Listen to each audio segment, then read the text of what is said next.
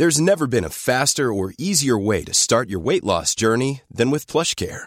PlushCare accepts most insurance plans and gives you online access to board-certified physicians who can prescribe FDA-approved weight loss medications like Wigovi and Zepbound for those who qualify. Take charge of your health and speak with a board-certified physician about a weight loss plan that's right for you. Get started today at plushcare.com slash weight loss. That's plushcare.com slash weight loss. plushcare.com slash weight loss.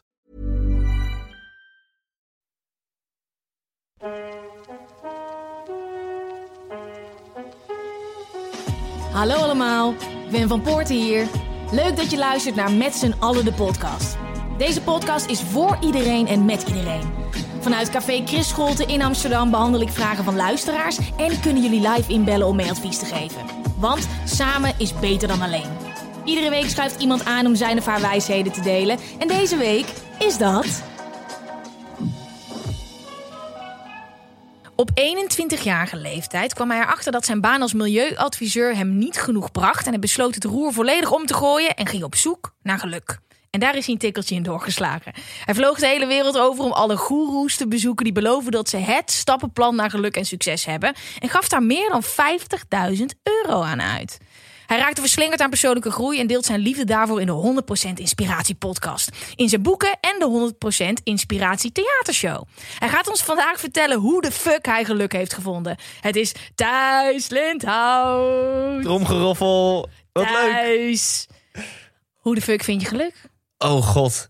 Ehm, nou, door niet te zoeken, denk ik. Ik Oh, krijg ja. ook wel vaak de vraag van... Word je niet ongelukkig van te erg, te obsessief zoeken naar geluk? Ja. Eh, en ik kan als ervaringsdeskundige dat wel met ja beantwoorden. Als je heet het bezig bent met...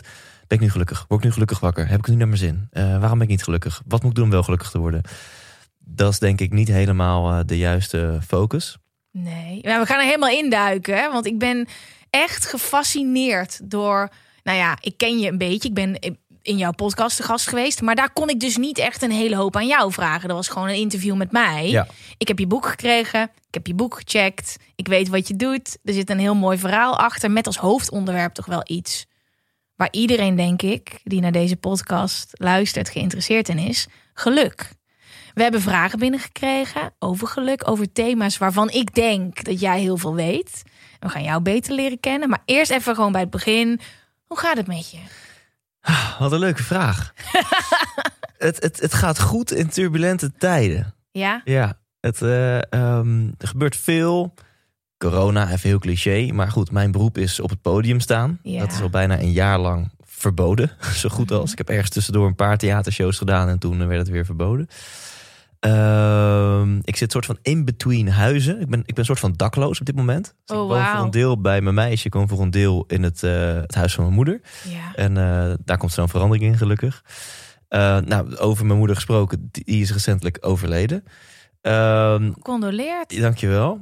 Ehm en ik, ik heb de liefde van mijn leven gevonden, wat super leuk is. En wat ook heel veel, we hebben het vorige keer nog kort over gehad, volgens mij na de show. Ja. Wat ook heel veel in mij losmaakte van wow, er zitten ook best wel wat emoties en dingen die ik misschien heel zorgvuldig had weggestopt, die ook nu naar boven komen.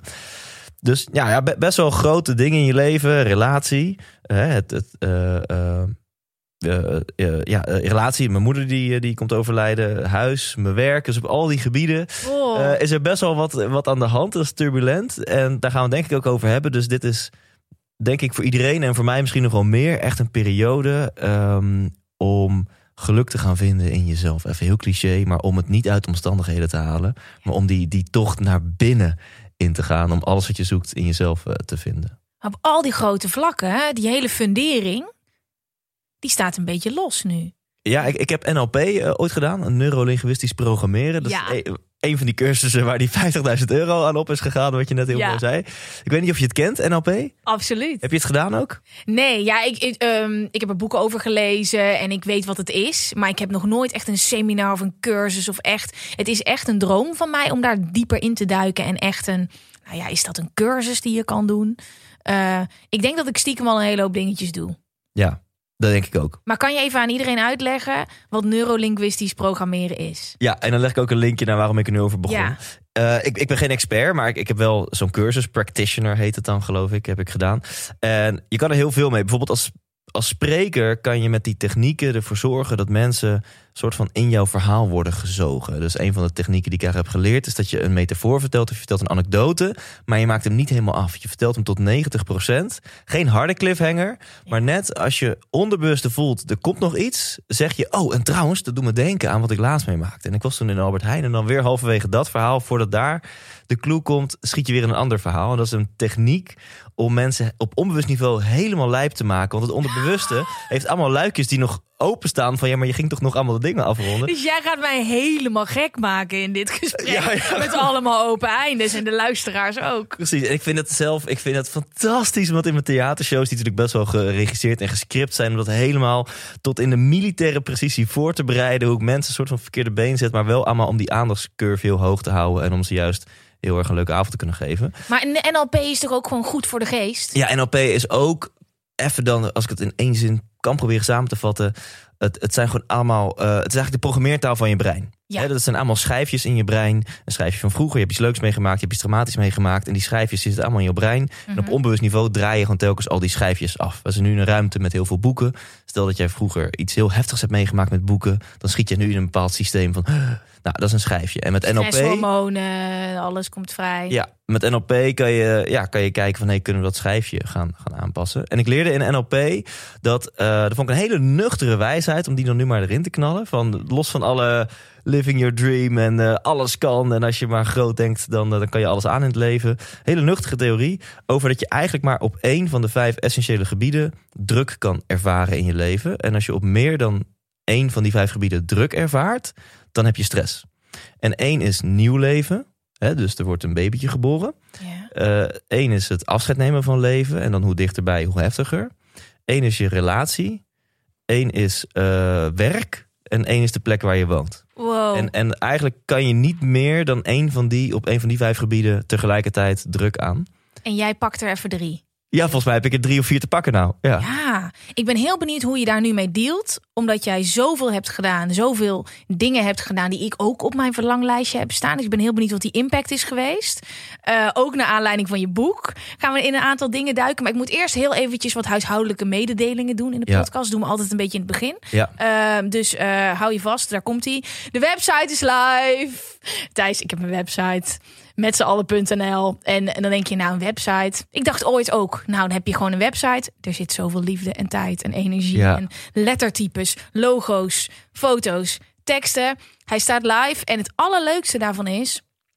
Als jij een vraag hebt voor deze podcast, dan kan je naar metzeallen.nl en dan kan je hem daar achterlaten. Dus dan kan je gewoon je bemoeien met de podcast. Daarnaast um, kan je ook je e-mailadres achterlaten als je gewoon één keer per maand een liefdesbrief van mij wil of een update.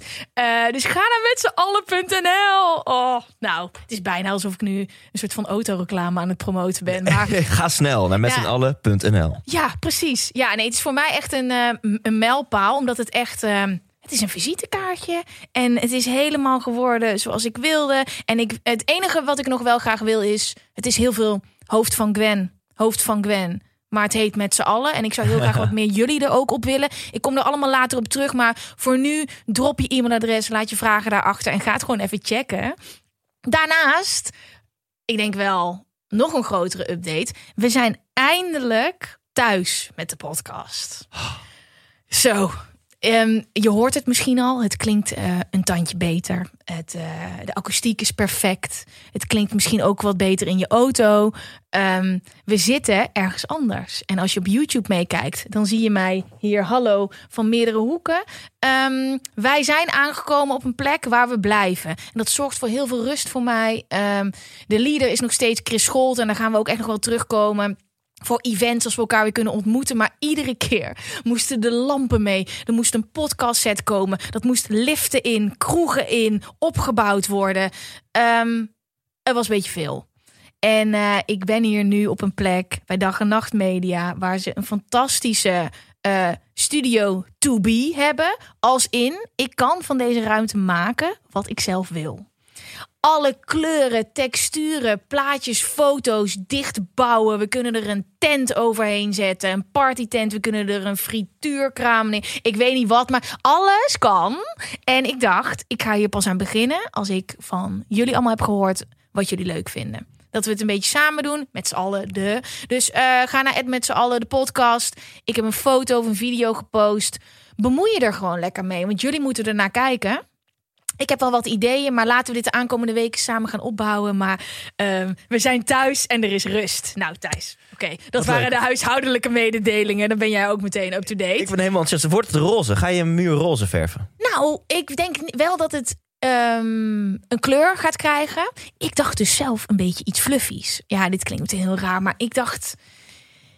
Ken jij, ken jij die film met Jonah Hill waar hij de, de furry wall aan het... Nee! Ja! Get him to the Greek! Ja! Get him to the Greek! Dat, Dat is mijn een fa- furry wall. Ja, Ja, maar holy shit. Deze, dit is mijn favoriete film aller tijden. ja, die is niet normaal, hè? Ja. Ja, nou oké. Het is ook altijd grappig als ik deze referentie gooi en mensen snappen hem. denk ik, oké, wij snappen elkaar. Ja. Wij kunnen kletsen. Ehm, voordat we gaan beginnen met de vragen. eh, je denkt, we zijn al begonnen, maar we zijn er pas een aanloop aan het nemen. Ja. Bellen mensen jou voor advies? Ben jij iemand die gebeld wordt door vrienden of familie? Eh, eh, Thijs, ik heb je advies nodig. Oh, ehm eh, nou, niet, niet per se. Niet, niet, niet per se meer sinds ik soort van de geluksroute op ben gegaan of zo. Ik denk dat ik altijd al iemand ben waarbij mensen zich op de een of andere manier op hun gemak voelen. Ja. En dan een hele emotionele huishouding eruit flikkeren. Ja. En ehm, ik, ik begin er ook steeds beter in te worden om dat soort van te beschermen voor mezelf. Want bij vrienden wil ik er echt voor ze zijn. Mhm. Maar ik kan ook wel eens gewoon een gesprek voeren met, I don't know, een receptioniste of een vreemde of de housekeeping meneer of mevrouw. En, dan, en dan, dan begint zo iemand ergens over te praten. En dan denk ik, oh, ik vind dit zo niet interessant. en dan. Ehm, ehm, maar dan gaat toch die interviewer in mij aan of zo. En ineens dan komt er uit mijn mond. Ja, ik zie dat je hier echt heel gepassioneerd over bent. Ja, en dat is nou net een zin wa- wat iemand dan ziet. Nou, dan ga ik nog even tien minuten door. Maar hoe kap je dat af? En, ehm, Tell me, want ik kan dat dus oeh, ja. Ik heb ook wel eens bij Uber-chauffeurs die dan helemaal diep in de, weet ik veel, complottheorieën of wat dan. En dat ik denk, oh, ik wil dit niet. Maar dan, ja, je zit er. Ja, En dan, ik kan niet in één keer Engels gaan praten. ja. Ja, maar, ja, een Uber, dan zit je natuurlijk echt in die ruimte. Want ik Ja. wou, wou je een tip geven van... je kan fysiek eh, een stapje naar achter doen. Hè. Dat Je kan ook je van- handen voor je ogen doen. Dat helpt. Ja. Het is een universeel teken van ik wil weg dit gesprek. Ah, Vingers in je oren. en Nee, nee, nee, dat helpt ook wel. ja. Nee, een stapje naar achter. Een soort van universeel teken van ik wil eigenlijk wel... eh, dit gesprek wel klaar voor mij. Of ja, wat je natuurlijk heel vaak doet is benoemen wat je gaat doen. Maar ehm, ik ga eventjes eh, puntje puntje doen of zo, toch? Ja. En in de Uber zou je kunnen zeggen... eh, ja, sorry, ik moet even wat dingen op mijn telefoon doen of zo. ja, dat doe ik ook. Ja. Vanochtend had ik dat ook gedaan. Ja, ja. Ik kan de radio even uit, want ik moet nog even wat voorbereiden. Zo, punt. Oh, dat ja, ik denk... Ja, Ja, nee, niet nu. Nee. Ik heb ook wel eens gedaan dat als. Ik vind het dus altijd heel heftig als ik herkend word in een Uber. Ja. En wat doe je dan? En dan zie ik het al, oh god. Want ja, de programma's die ik heb gepresenteerd zijn vrij intens allemaal. En ik heb echt geen zin om een kwartier lang altijd over spuiten en slikken te praten. Of Ja. over. En dan heb ik één keer gezegd dat ik ijs verkoop. om te proberen om het af te leiden. En toen gingen die vervolgens heel lang over ijs praten. Terwijl die dacht dat we bij elkaar in de klas hadden gezeten. Oh, ik kan nee. die grenzen niet zo goed beheren. Maar ik vind het heel interessant. Jij bent wel iemand dus waar je advies van kan krijgen. Ik, ik- natuurlijk is dat zo, Thijs. Je hebt de 100% inspiratie Ja. podcast. Je hebt een boek geschreven. Je staat in het theater. Natuurlijk willen mensen advies van jou hebben. En dat is ook een van de redenen waarom je hier bent. Dankjewel. Ehm, ik wil gewoon even helemaal beginnen bij de fascinerende start. Voor mij in mijn hoofd. Jij was ongeveer 21. Jij was milieuadviseur. En jij dacht in één keer, dit, dit, dit gaat hem gewoon niet worden. Kan je me even terug eh, naar dat moment? Ja, kijk, als je gewoon ja zegt op alle ballen die op je afkomen in het leven, ja, dan kan je heel cliché zeggen, dan leef je andermans verwachtingen. Mhm. En ik was niet echt ongelukkig, maar ik, ja, ik had gewoon ja gezegd op al die ballen die op me afkwamen. Van Thijs, eh, ja, naar de, naar de basisschool ga maar HAVO doen. Nou, dat is nog vrij normale keuze, dat doe je HAVO. Nou, doe maar natuur en techniek, want je hebt iets met eh, meer beta dan alfa. En dan moet je na een tijdje een keer een HBO kiezen. En ja, je bent nog wel eigenwijs en ondernemend. Is technische bedrijfskunde niet wat voor jou? Nou, ik ben HBO technische bedrijfskunde gaan doen. Ja, En, en toen ja, een stageplek bij een consultancybureau gehad. En daarna, na het afstuderen, zeiden ze: Ja, wil je niet komen werken? Ja, ja, dat is eigenlijk wel goed. Nou, wel zei ik: Ik wil drie dagen per week komen werken. En dat vonden ze heel raar. Want echt zo: Heu, Je bent 21, het is 2009. We zitten midden in de crisis. We bieden jou een fulltime contract aan als milieuconsultant. Weet je, dat is nogal tof. Maar toen had ik al, al wel dus het bewustzijn van... ja, maar ik wil een leuk leven. Ik wil leuke dingen doen. Dus ik vind drie dagen werk eigenlijk al voldoende. Ik heb niet Wauw. zoveel geld nodig. Ik woon nog in de studentenkamer. Dus als ik gewoon vier dagen over heb om leuke dingen te doen... dat is voor mij wel een fijnere balans. Dus dat, dat was wel een stukje Sterk. leiderschap, ja.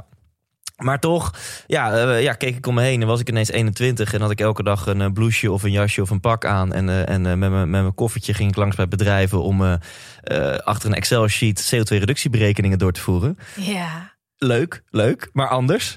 en is iemands passie, niet die van mij. Ja, dus, dus dat uiteindelijk geluk of toeval of meant to be, whatever, eh, eh, ontmoet ik een Remco Klaassen. Die wellicht ook ooit een keer in jouw podcast gaat plaatsnemen. Hele Nou, guy. Na jouw boek eh, denk ik wel. Want cool. ik zie zijn naam zo vaak voorbij komen dat ik dacht... deze Remco Klaassen heeft Ja. zo'n grote rol gespeeld in jouw leven. Dit klinkt wel als iemand die ik Ja. spreken. Maar jij ging naar Remco Klaassen toe. En wat doet hij precies? Ja, hij werd toen gepresenteerd als goeroe. hè. We hebben een goeroe geboekt. Een persoonlijk leiderschapsgoeroe. En ik dacht, wow, wow, goeroe. En ik had een beetje gehoord wat hij ook mocht factureren voor één dag praten. Ik denk, wow, daar moet ik vier maanden voor werken. Dus Ja. ik vond het nog wel interessant. En ehm, ja, ik denk dat ik ook hartstikke rijp was. Ik was gewoon heel erg rijp om... Iemand moest er komen om mij dat eerste setje te geven. En hij was dat. En daarom ben ik hem voor de rest van mijn leven dankbaar. Maar hij maakt, liet mij kennis maken met het concept van... hey, stop nou even. Ga even naar de tekentafel. Tune even in met jezelf. Wie ben jij? Waar word je gelukkig van? Waar krijg je energie van? Waar liggen jouw passies? Waar droom je van? Weet je wel? En wat nou als je daar een plannetje van maakt? En wat nou als je elke dag in actie gaat komen om het plan uit te voeren? En wat nou als ik je ook nog vertel dat er een soort van methodes en formuletjes en strategieën zijn om dat plan makkelijker, sneller en leuker en beter uit te voeren? Ja, en toen was mijn hele ja, o- mijn ogen waren geopend voor persoonlijke ontwikkeling. En, en ook wel, ik zie het als de eerste fase in mijn zoektocht naar geluk. Want dat is wel echt heel erg de, de Amerikaanse kant, de maakbaarheidskant. De think and grow rich, unleash the power within. Slapen kan nog als je dood bent. eh, goal setting en weet je wel, peak state, say yes, we gaan ervoor. En Ja. eh, en dat heeft me heel, heel veel gebracht. Heeft me uiteindelijk ook een dikke vette burn-out opgeleverd. Maar dat was een beetje het eerste chapter in mijn zoektocht naar geluk. Van, nou, laten we zeggen, ongelukkig als milieuadviseur. Naar holy fuck, ik kan een plan maken. Het leven is maakbaar. Als het leven maakbaar is, dan ga ik het op alle gebieden helemaal perfect inrichten. Zoals ik happy, eh, zodat ik er happy van word. Grappig dat je dan goeroe zegt. En als je dus goeroe hoort, denk je zwevend op een kleedje Oh ja. ergens op een full moon party in Thailand. Ik denk, heb daar een heel beeld bij. Maar als jij het zo uitlegt ook. Die gasten zijn dan vaak heel nuchter. We hebben daar iets aan vastgeplakt. Maar een goeroe of een... Hoe, een goeroe, het wordt niet meer echt genoemd, toch? Goeroe. Je bent toch nu een inspirational speaker... of een keynote speaker... of een is het woord goeroe, wordt het nog steeds gebruikt? Nou, ik denk sowieso dat niemand zichzelf goeroe noemt. Nee. Tony Robbins. I'm not your guru. Ja, maar, maar dat is NLP-technisch heel slim, hè? Want dat is dan Ja. weer een NLP-dingetje. Je hersenen horen het woordje niet, niet. Hè, het bekende voorbeeld, denk niet aan een roze Ja. olifant. Maar ook als ik tegen jou zeg, ik ben, je hoeft je geen zorgen te maken. Er is niks aan de hand. Zorgen. Geen reden tot paniek. Paniek. Dat is weer wat. Als je hersenen horen het woordje niet, niet. Ook richting kinderen is dat heel handig. Niet op de tafel springen. Wat willen ze op de tafel springen? Hè? Dus Ja. gewoon op de grond blijven. Ehm, En I'm not your guru is natuurlijk wel weer... Die gast is een van de beste NLP'ers ter wereld. Dat ik denk, Mhm. ja maar gast, jij hebt heel bewust die documentaire genaamd I'm not your guru. Ja. Eigenlijk horen mensen dus I'm your guru. Dat vind ik dan wel weer interessant. Ja, jij, jij hebt dit besefmoment. Jij voelt in jouw hele hebben en, en zijn... Mijn leven is maakbaar. Er is een strategie. En dan? Ja, en dat is wel echt knallen met die ballen. Echt Ja, want wat heb je gedaan met je job? Eh, Was dat in één keer, dacht je nou, dit voelt niet goed, dus dit is sowieso een, een, een, een dead end. Eh, Sorry dat ik zoveel in Engelse woorden praat. Ik kan me voorstellen dat mensen het irritant vinden, maar ik luister alleen maar Engelse podcasts en ik lees alleen maar Engelse boeken. Ik kan, ja, jij praat ook veel in het Engels. ja, toch? Ja, ik erger me er ook aan. Ik doe het ook veel en Maar ik, tegelijkertijd som, ik erger ik weet soms gewoon niet. Oké, ik ga het opnieuw doen. Jij liep op een dood e- eind. ja, op Er was een dood einde in je leven. Dus sorry als je daarin irriteert. Ik denk niet dat dat ooit gaat veranderen. Ja, I know, I was Ja. really there. En het was echt Yeah, in super the heavy. moment. Ja. Maar, maar, maar je was daar en je had het besefmoment. Maar hoe handel je dan? En hoe heb je dan het Ja. vertrouwen om te handelen? Ik vind het cool. Laten we het concreet maken. Anders wordt het zo'n fluffy furry wall verhaal. Van eh, oké, je was toen eh, was je leven kut en was je ongelukkig. En nu ben je een soort van de inspirator en heb je heel veel geld en succes. Dat Ja. is, dat, dan denken mensen ook van wow, wat is daartussen gebeurd? Ik wil weten hoe jij bent gaan reizen. En hoe je naar die seminar... En hoe vind je die seminar? Ja, nou stap 1 was met het beetje geld dat ik verdiende, maar echt netto 14, 1500 euro per maand of zo. Alles wat ik aan de kant kon zetten, aan de kant zetten. En investeren in mijn persoonlijke groei. Dus het begon met eerst naar het 3,5-daagse seminar van Remco Klaassen. Dat heet de, de Essentie van Leiderschap. Daarna ging ik ook naar een eendaagse van hem. Dat heette Verbaal Meesterschap over communicatieskills. Toen begon hij over Tony Robbins. Toen informeerde ik naar Tony Robbins. Dat kostte 1000 euro. En dat was in Rimini, Italië. Dus En een vliegticket en een hotel was voor mij echt ja, zo'n beetje al mijn spaargeld. Nou, dat geld geïnvesteerd. Daarna ho- hoorde ik dat Tony Robbins ook nog een groter seminar had. Een zesdaags event, Date with Destiny. Die wil ik zo Ja, graag Date with Destiny. En die kostte 3600 euro. En ik kon precies 300 euro per maand aan de kant zetten als ik zuinig leefde. Dus ik heb op afbetaling heb ik dat ticket gekocht. En 12 maanden lang, een jaar lang, was het gewoon zuinig leven. En elke maand 300 euro aan de kant zetten, zodat ik naar Date with Destiny kon. In Palm Springs, California. En ehm, nou ja, als je zoveel, en nu noem ik maar een paar highlights. Eh, ondertussen natuurlijk, je, je komt een tijdje toch ook andere mensen tegen. Je komt in een andere peer group. Dus je, je spart met elkaar over dingen. En die vertelt over een boek en dat boek lees je. En eh, dus je, je wordt soort van ook wel een soort van wereldje ingezogen van mensen Ja. nou, die ik toffer vond en mij meer energie gaven. En als je dan zoveel doet aan, aan consumptie en inspiratie opdoen. En je hebt ook nog eens het lef en de energie om in actie te komen, wat ik deed. Ja. Ja, dan is het onvermijdelijk dat dingen gaan veranderen. Maar het was ook wel obsessief voor mij hoor. Ik heb echt weken of tijden in mijn peri- eh, periodes in mijn leven gehad. dat een week bij mij er zo uitzag. dat ik, oké, ik werkte dan drie dagen per week. Maar ondertussen gaf ik ook 20 drumlessen per week. Want ik ben ook drummer. En dan met die dagen die ik over had, gaf ik 20 kilo's per week drumles. Ik wilde één zelfhulpboek per week lezen. Ik wilde een uur per dag gewoon zelf studeren als drummer. Ik wilde drie keer per week hardlopen. Twee keer per week eh, de, de gym in. En elke dag groene smoothies. En echt zo'n heel plan, weet je wel. Alsof je, alsof je een machine bent. En alsof je elke dag en een ochtendroutine en een avondroutine. Maar jij proefde dus gewoon. Imagine the softest sheets you've ever felt. Now imagine them getting even softer over time. That's what you'll feel with Bowl and Branch's organic cotton sheets. In a recent customer survey, 96% replied that Bowl and Branch sheets get softer with every wash. Start getting your best night's sleep in these sheets that get softer and softer for years to come. Try their sheets with a 30-night guarantee. Plus, get 15% off your first order at bowlandbranch.com. Code BUTTERY. Exclusions apply. See site for details. Many of us have those stubborn pounds that seem impossible to lose, no matter how good we eat or how hard we work out. My solution is PlushCare. PlushCare is a leading telehealth provider with doctors who are there for you day and night to partner with you in your weight loss journey. They can prescribe FDA-approved weight loss medications like Wagovi and Zepbound for those who qualify. Plus, they accept most insurance plans. To get started, visit plushcare.com slash weight loss. That's plushcare.com slash weight loss. Dit gaat gebeuren. Ik heb bewijs, misschien wel wetenschappelijk bewijs. Dit is de strategie om te komen waar ik wil zijn. Dus jij bent gewoon al ingegaan. Ja, in ik ben al opzicht. in. Ja, Er is een vraag, die past Ja, hier eigenlijk ja. wel bij. Die had ik eigenlijk iets eerder moeten vragen. Eh, die is dus vanuit de Met z'n allen community gekomen. Hey Gwen, ik heb een vraag voor in de podcast. Ik wil me graag meer verdiepen in meditatie, retreats en zelfontwikkeling. Heb je tips? Nou, dan komen we zo meteen met advies terug, want dit past precies midden Ja. in dit verhaal. ja.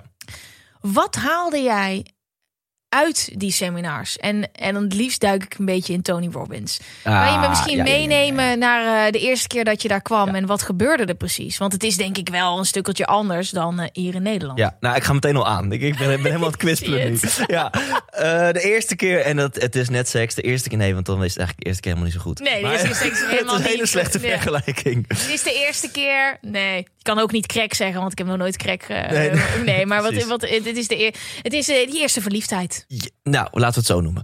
En ehm, het, het, ja, ik, want ik ben inmiddels elf keer bij Tony Robbins geweest. Oh ik, my ik, ik, God. ik word er nu gewoon voor behandeld en zo. Het is een verslaving. maar de eerste keer toen eh, was in Rimini, Italië, 2011. Ik was 23.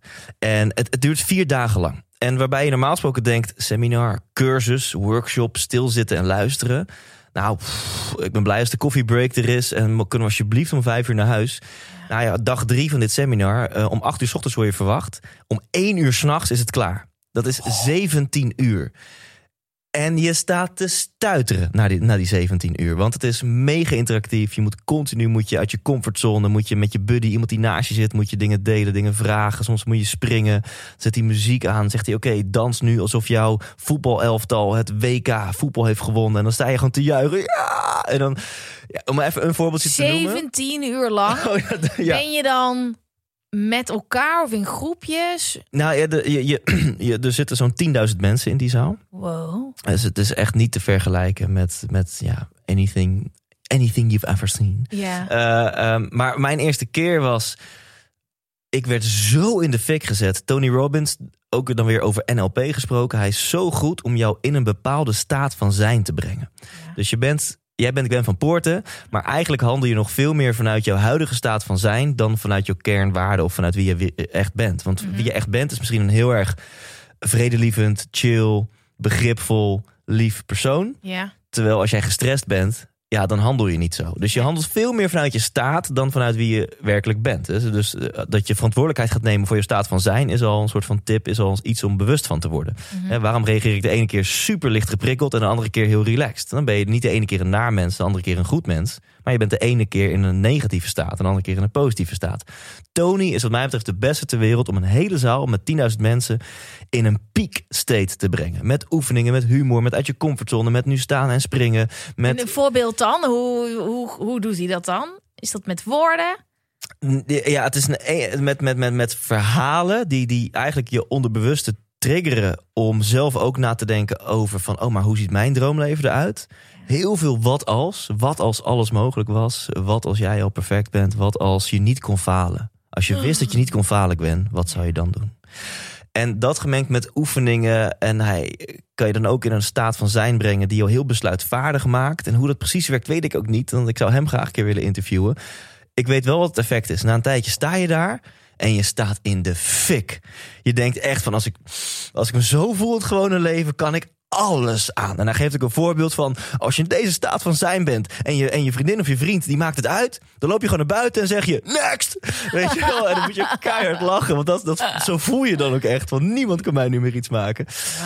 En, ehm, en, en in die staat zegt hij: ga nou eens eventjes aan life planning en goal setting doen. En dat is heel tof. En ik heb later gemerkt ook een gevaar. Want in een eigenlijk niet realistische, hoge piek staat van zijn.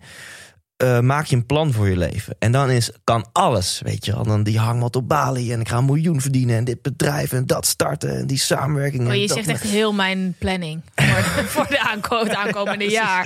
There you go. En, maar ook, laat ik ook de andere kant benoemen. Soms een heel intens proces. Doe maar je ogen dicht. En, en waar ben je onzeker over? Wat zijn jouw beperkende overtuigingen? En toen ging hij ineens naar... Ik denk, nou, dit moet nu positief gaan worden. Want we willen dit doorbreken. Maar wat hij eerst deed is... Ik ga je vertellen... You will not change. Je gaat niet veranderen. Deze beperkende overtuiging wordt alleen maar heftiger. En hoe ziet je leven dan over een jaar eruit? En als jij nog steeds zo over jezelf blijft denken... en nog steeds je zo gedraagt in relaties... en nog steeds eh, niet in actie komt... hoe ziet je leven over twee jaar eruit? En, en voel dit, verdubbel het gevoel, verviervoudig het gevoel. Ja. En hij met een muziekje erbij en je hoort mensen om je heen, hoor je janken. Eh, eh, zeker voor mensen met kids maakt hij fucking intens. Zegt hij, oké, en kijk nu je kinderen aan. Ben jij een goede papa of mama? Oh, ben jij een goed voorbeeld? God. Nou, je hoort, nou, ik voel gewoon heel kippenvel. Ja. En, je, en, en dan zit je zelf ook in het proces. En dan na een tijdje dan echt... Maar dat is, dat is allemaal met een doel, hè? Om dus extra jou in die pijn te duwen. En want vanuit pijn komt eigenlijk veel meer motivatie... dan vanuit verlangen over het algemeen. Je verandert als de pijn groot genoeg is of het verlangen groot genoeg. Je stopt met roken als de pijn van wel roken groot genoeg is... of het verlangen van niet roken groot genoeg is. Maar over het al- algemeen werkt die eerste veel beter. Ja. Want we zijn pijnvermijdende wezens. En dus dat ook. En ook een keer gemediteerd met mijn handen op mijn hart in een dankbaarheidsoefening. En ik ben iemand die nou, inmiddels goed kan huilen. Maar in die tijd kon ik heel slecht huilen. Ik huilde eigenlijk nooit. Behalve om films. En, eh, en toen ineens, ik, mocht, ik was ook super moe, want ik had zo weinig geslapen van die extreme tijden en zo. Eh, maar met mijn hand op mijn hart, het was geloof ik de vierde dag. En echt, ik was ineens zo dankbaar voor mijn ouders. En dat heb ik nog nooit op die manier gevoeld van... zij hebben zoveel uur in mij geïnvesteerd. Weet je, ik heb daar niks voor hoeven doen. En vanaf dat ik hier op aarde ben, geven ze me alleen maar liefde. En ze hebben zo hun leven aan de kant gezet om mij gelukkig te maken. En Wow. wow, wat. Zo heb ik er nog nooit. Echt vanuit een ander perspectief, weet je. wel. Zo heb ik er nog nooit naar gekeken. En ik, nou, het gewoon tranen, gewoon mooi. Maar dit is dan jouw eerste ervaring, betoverd. Eh, klinkt ook of je hele mooie besefmomenten hebt gehad. Maar daar stopte het niet. Nee, Nou- we gaan zo meteen naar het loopt uit de hand. En het was helemaal niet wat je dacht. Maar jij bent daarna nog gewoon nog meer gas gaan geven. Nou ja, en eh, in eerste instantie is het ook wel even een downer als je weer gewoon in je gewone leven komt. Dat lijkt mij ook. Want en de vermoeidheid kikt in. En al je vrienden zeggen alleen maar: wat, ben je nou voor op een rare plek geweest? en dan ga jij ze willen overtuigen. En dat is verspilde energie. Ja, maar ik ben dankbaar voor mijn ouders. Heb jij wel eens over jouw ouders nagedacht? Ja, precies. Of ik heb die gast even gegoogeld. En waarom kost zo'n kaartje zoveel geld? En eh, als die Tony echt het beste met zijn medemens voor had, zou die het wel gratis doen. Oh. En dan je hele energie wordt even weggeveegd. Denk ja, godverdomme, gisteren had ik er nog zin in. Ging je ze dan ook minder zien? Nou, ik heb wel heel veel bewuste keuzes in vriendschappen gemaakt. Dus als ik nu kijk naar de top 5, 6, 7 mensen waar ik mee omga, mijn beste vrienden, dan, dan, dan zit daar eigenlijk maar één iemand tussen, ook nog van vroeger. En die andere zes zijn allemaal de afgelopen vijf jaar eigenlijk ontstaan. Ja, dus dus ik heb je, wel echt nieuwe vriendschappen gemaakt. Ja. maar jij eh, je bent helemaal eh, aan aan het gaan. En je denkt, nou, Tony Robbins, yes, dit is lekker. Maar er is vast nog meer. Ja, ja, want dat is jouw vraag. Laat ik Ja. je antwoord geven. En eh, ehm, omdat ik zo hard in actie kwam, was het denk ik onvermijdelijk dat er een keer een kans kwam dat ik voor mezelf ging beginnen. Dus ik zag die kans een paar jaar later. Ik was 24. Eh, en dat was dus al na drie jaar lang al mijn tijd, geld en energie in mijn eigen ontwikkeling gestoken te hebben. En toen ineens zag ik een kans om nog wel binnen de categorie duurzaamheid en milieu mijn eigen bedrijf te starten, waarbij ik daar seminars over ging geven. Want ik had ook al ontdekt dat spreken voor de groep, inspireren, entertainen, dat is waar Thijs wel gelukkig van wordt. Dus. Toevallig heb ik wat kennis van duurzaamheid. Ik vind duurzaamheid ook nog eens een supermooi en belangrijk onderwerp. Alleen die Excel-sheet met CO2-reductieberekeningen past niet bij mij. Dus ik zag een kans om daar cursussen in te gaan geven, seminars. En dan ben ik wel in mijn energie. Heb ik het over een mooi onderwerp. Nog niet het onderwerp waar ik het liefst over heb. Geluk en succes. Ik hoop dat dat ooit gaat gebeuren, dacht ik toen. Maar in elk geval heb ik vrijheid, ben ik ondernemer, kan ik gaan en staan waar ik wil. Verdien ik misschien wat meer geld en, en doe ik ook nog eens iets waar ik energie van krijg. ja. En nou, dat lukte. En er kwam net wat meer geld binnen. En daardoor kon ik nog meer investeren. En ging ik naar Business Mastery, ook van Tony Robbins. En naar Top Speech in België, twee dagen een event. En, en een driedaagse stilte retreat. En ik nam een coach. En ik nam een business coach, weet je. Dus het, het was gewoon alles absorberen, mezelf ontwikkelen, groeien, groeien, groeien. In actie komen, op mijn bek gaan, weer opstaan, uit mijn comfortzone. En dit zeg ik bewust zo, want als mensen soms aan mij vragen van... oh, ik wil ook wel die uitgekochte theaters... of een succesvolle podcast of een succesvol bedrijf... dan absoluut geluk is een hele grote factor. Ik ben daar super realistisch in. Allereerst al het geluk dat ik bepaalde genetische eigenschappen bezit... waar ik niet om heb gevraagd. Dat Ja. ik, ik een bepaald level drive. Ik ben echt niet beter dan mensen met minder drive. Dat werd geïnstalleerd toen ik werd geboren. Een bepaald level van zelfreflecterend vermogen. Een bepaald level van enthousiasme. Aangeboren optimisme. Weet je, dat zijn allemaal eigenschappen. Kan ik niks aan doen. Dat ik in Nederland ben geboren is geluk. Dat bepaalde kansen op mijn pad zijn gekomen is ook geluk. Dus ik ben daar heel realistisch in. Geluk is echt een hele grote factor. En daar probeer ik zo dankbaar mogelijk voor te zijn. En ik heb er zo fucking hard voor gewerkt. ja. Ga even de dingen doen die ik afgelopen tien jaar heb gedaan. En dan is de kans groot dat je ook wel toffe dingen bereikt. Ja, want je bent echt vol gas gaan investeren. Ehm, en ik vind het zo interessant dat, dat je dus echt dacht: oké, de sky is the limit. En dat volle vertrouwen had dat het ook werkt. Want en, en, en daarom vind ik het zo interessant om met jou te kletsen. Er zijn weinig, nou dat is niet waar. Er zijn een hele hoop mensen die hebben gedaan wat jij hebt gedaan, maar niet in Nederland, denk ik. Die zo al oud zijn gegaan. 50k heb jij geïnvesteerd in zelfontwikkeling Ja, dat geld, waar kwam dat vandaan? Uit je bedrijf, aan de, alles aan de kant zetten, sparen, minder vaak uit eten gaan.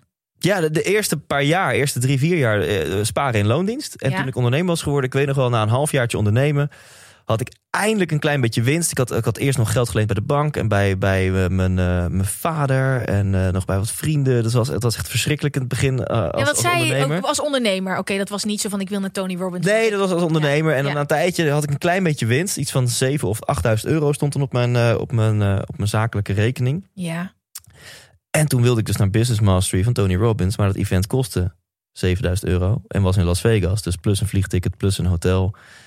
En toen heb ik echt gedacht, ja, moet ik dit nou doen? moet ik het nou doen? En ik, ik was toen echt in een fase van gaan gast. Gaan, gaan, gaan. Fuck it. Dus in mijn eerste beetje geld dat ik verdiende, letterlijk mijn eerste 8000 euro winst, heb ik in één klap overgemaakt. En uh, ik zat drie weken later in het vliegtuig naar Las Vegas om weer vijf dagen lang inspiratie op te doen over, nou in dit geval over het bouwen van een business. En uh, uh, hoe voelde het moment dat je dat geld overmaakte? Was dat een beetje pijn? Of dacht je echt, yes, investering in mezelf, dit komt allemaal terug? Ja, dat heeft me dus nooit pijn gedaan. Nee? Nee, dat is wel grappig. Ik, ik vind ook op de een of andere manier makkelijker om geld uit te geven aan diensten Ja. dan aan producten of zo. Dus toen ik later mijn droomdrumstel kocht van ook een soort gelijk bedrag, dat vond ik dan een veel moeilijkere keuze. Dan dus, dus eh, het is iets in mij waardoor ik investeer in mijn eigen groei. Dat is, is gewoon vanzelfsprek, een een vanzelfsprekendheid. Dus dat, dat doe je gewoon. We gaan door naar de volgende vraag. Super interessant. Ja. Eh, dit is iets wat hier ook goed bij aansluit. Hey Gwen en gast, hoe gaat het met jullie? Ik heb een vraag over het woord mindset. Ik hoor jou heel vaak over mindset tools, yes ook Engels, praten. Ja. En de dingen waar je het dan over hebt, vind ik altijd interessant. Ze helpen ook eigenlijk altijd wel. Maar wat is je slash een mindset nou precies? En wat kan je er allemaal mee? Kan je het trainen? Nou, ten, ten, ten. We hebben Thijs Lindhout tegenover ons zitten. Thijs, eh, wat is een mindset? Ja, ga ik antwoord geven en dan wil ik hem ook bij jou neerleggen. Want Oké. het is ook wel leuk wat, jij, eh, wat jou betekent. Oké, ja. Ehm, ja, want je kan de Xenos niet binnenlopen. Hè? Of de Insta je Instagram-app niet openen. Of, of de happiness niet openslaan. En je vindt Ja. het woord mindset. Hè? En Ik, zelfs ik word er een beetje kriegel van. Van werk aan je mindset. Ja, wat, wat is dat dan? Mhm. Ik denk mindset is eh, de stemmetjes in je kop. Mhm. Dat is even de Nederlandse vertaling. En wat was haar, haar vraag precies? Of ik mindset tips heb? Of... Wat is je slash een mindset nou precies? En wat kan je er allemaal mee? Kan je het trainen? Eh, ja, het is een super breed begrip. Ik zal het willen samenvatten als de stemmetjes in je kop. En dan laat ik dan een afslag nemen. Wat die stemmetjes in je kop jou ook vertellen, het is waar. Voor jou. En je Ja. gaat die waarheid creëren. Even een heel stom voorbeeld. Als ik nu denk dat jij een heel onaardig persoon bent, Mhm. dan, dan vind ik daar wel bewijs voor. Ja. Denk ik. En kijk dat spijkerjasje nou en hoe ze weer zo uh, zijn heilig zitten lachen. Ja. ik van, zie je wel. en als ik denk, jij bent liefde. En jij bent de mooiste, mooiste vrouw die ik ooit heb gezien van binnen en van buiten. Dan denk ik, ach, kijk die, die, die kraaloogjes en kijk de stralen. En wat is ze leuk.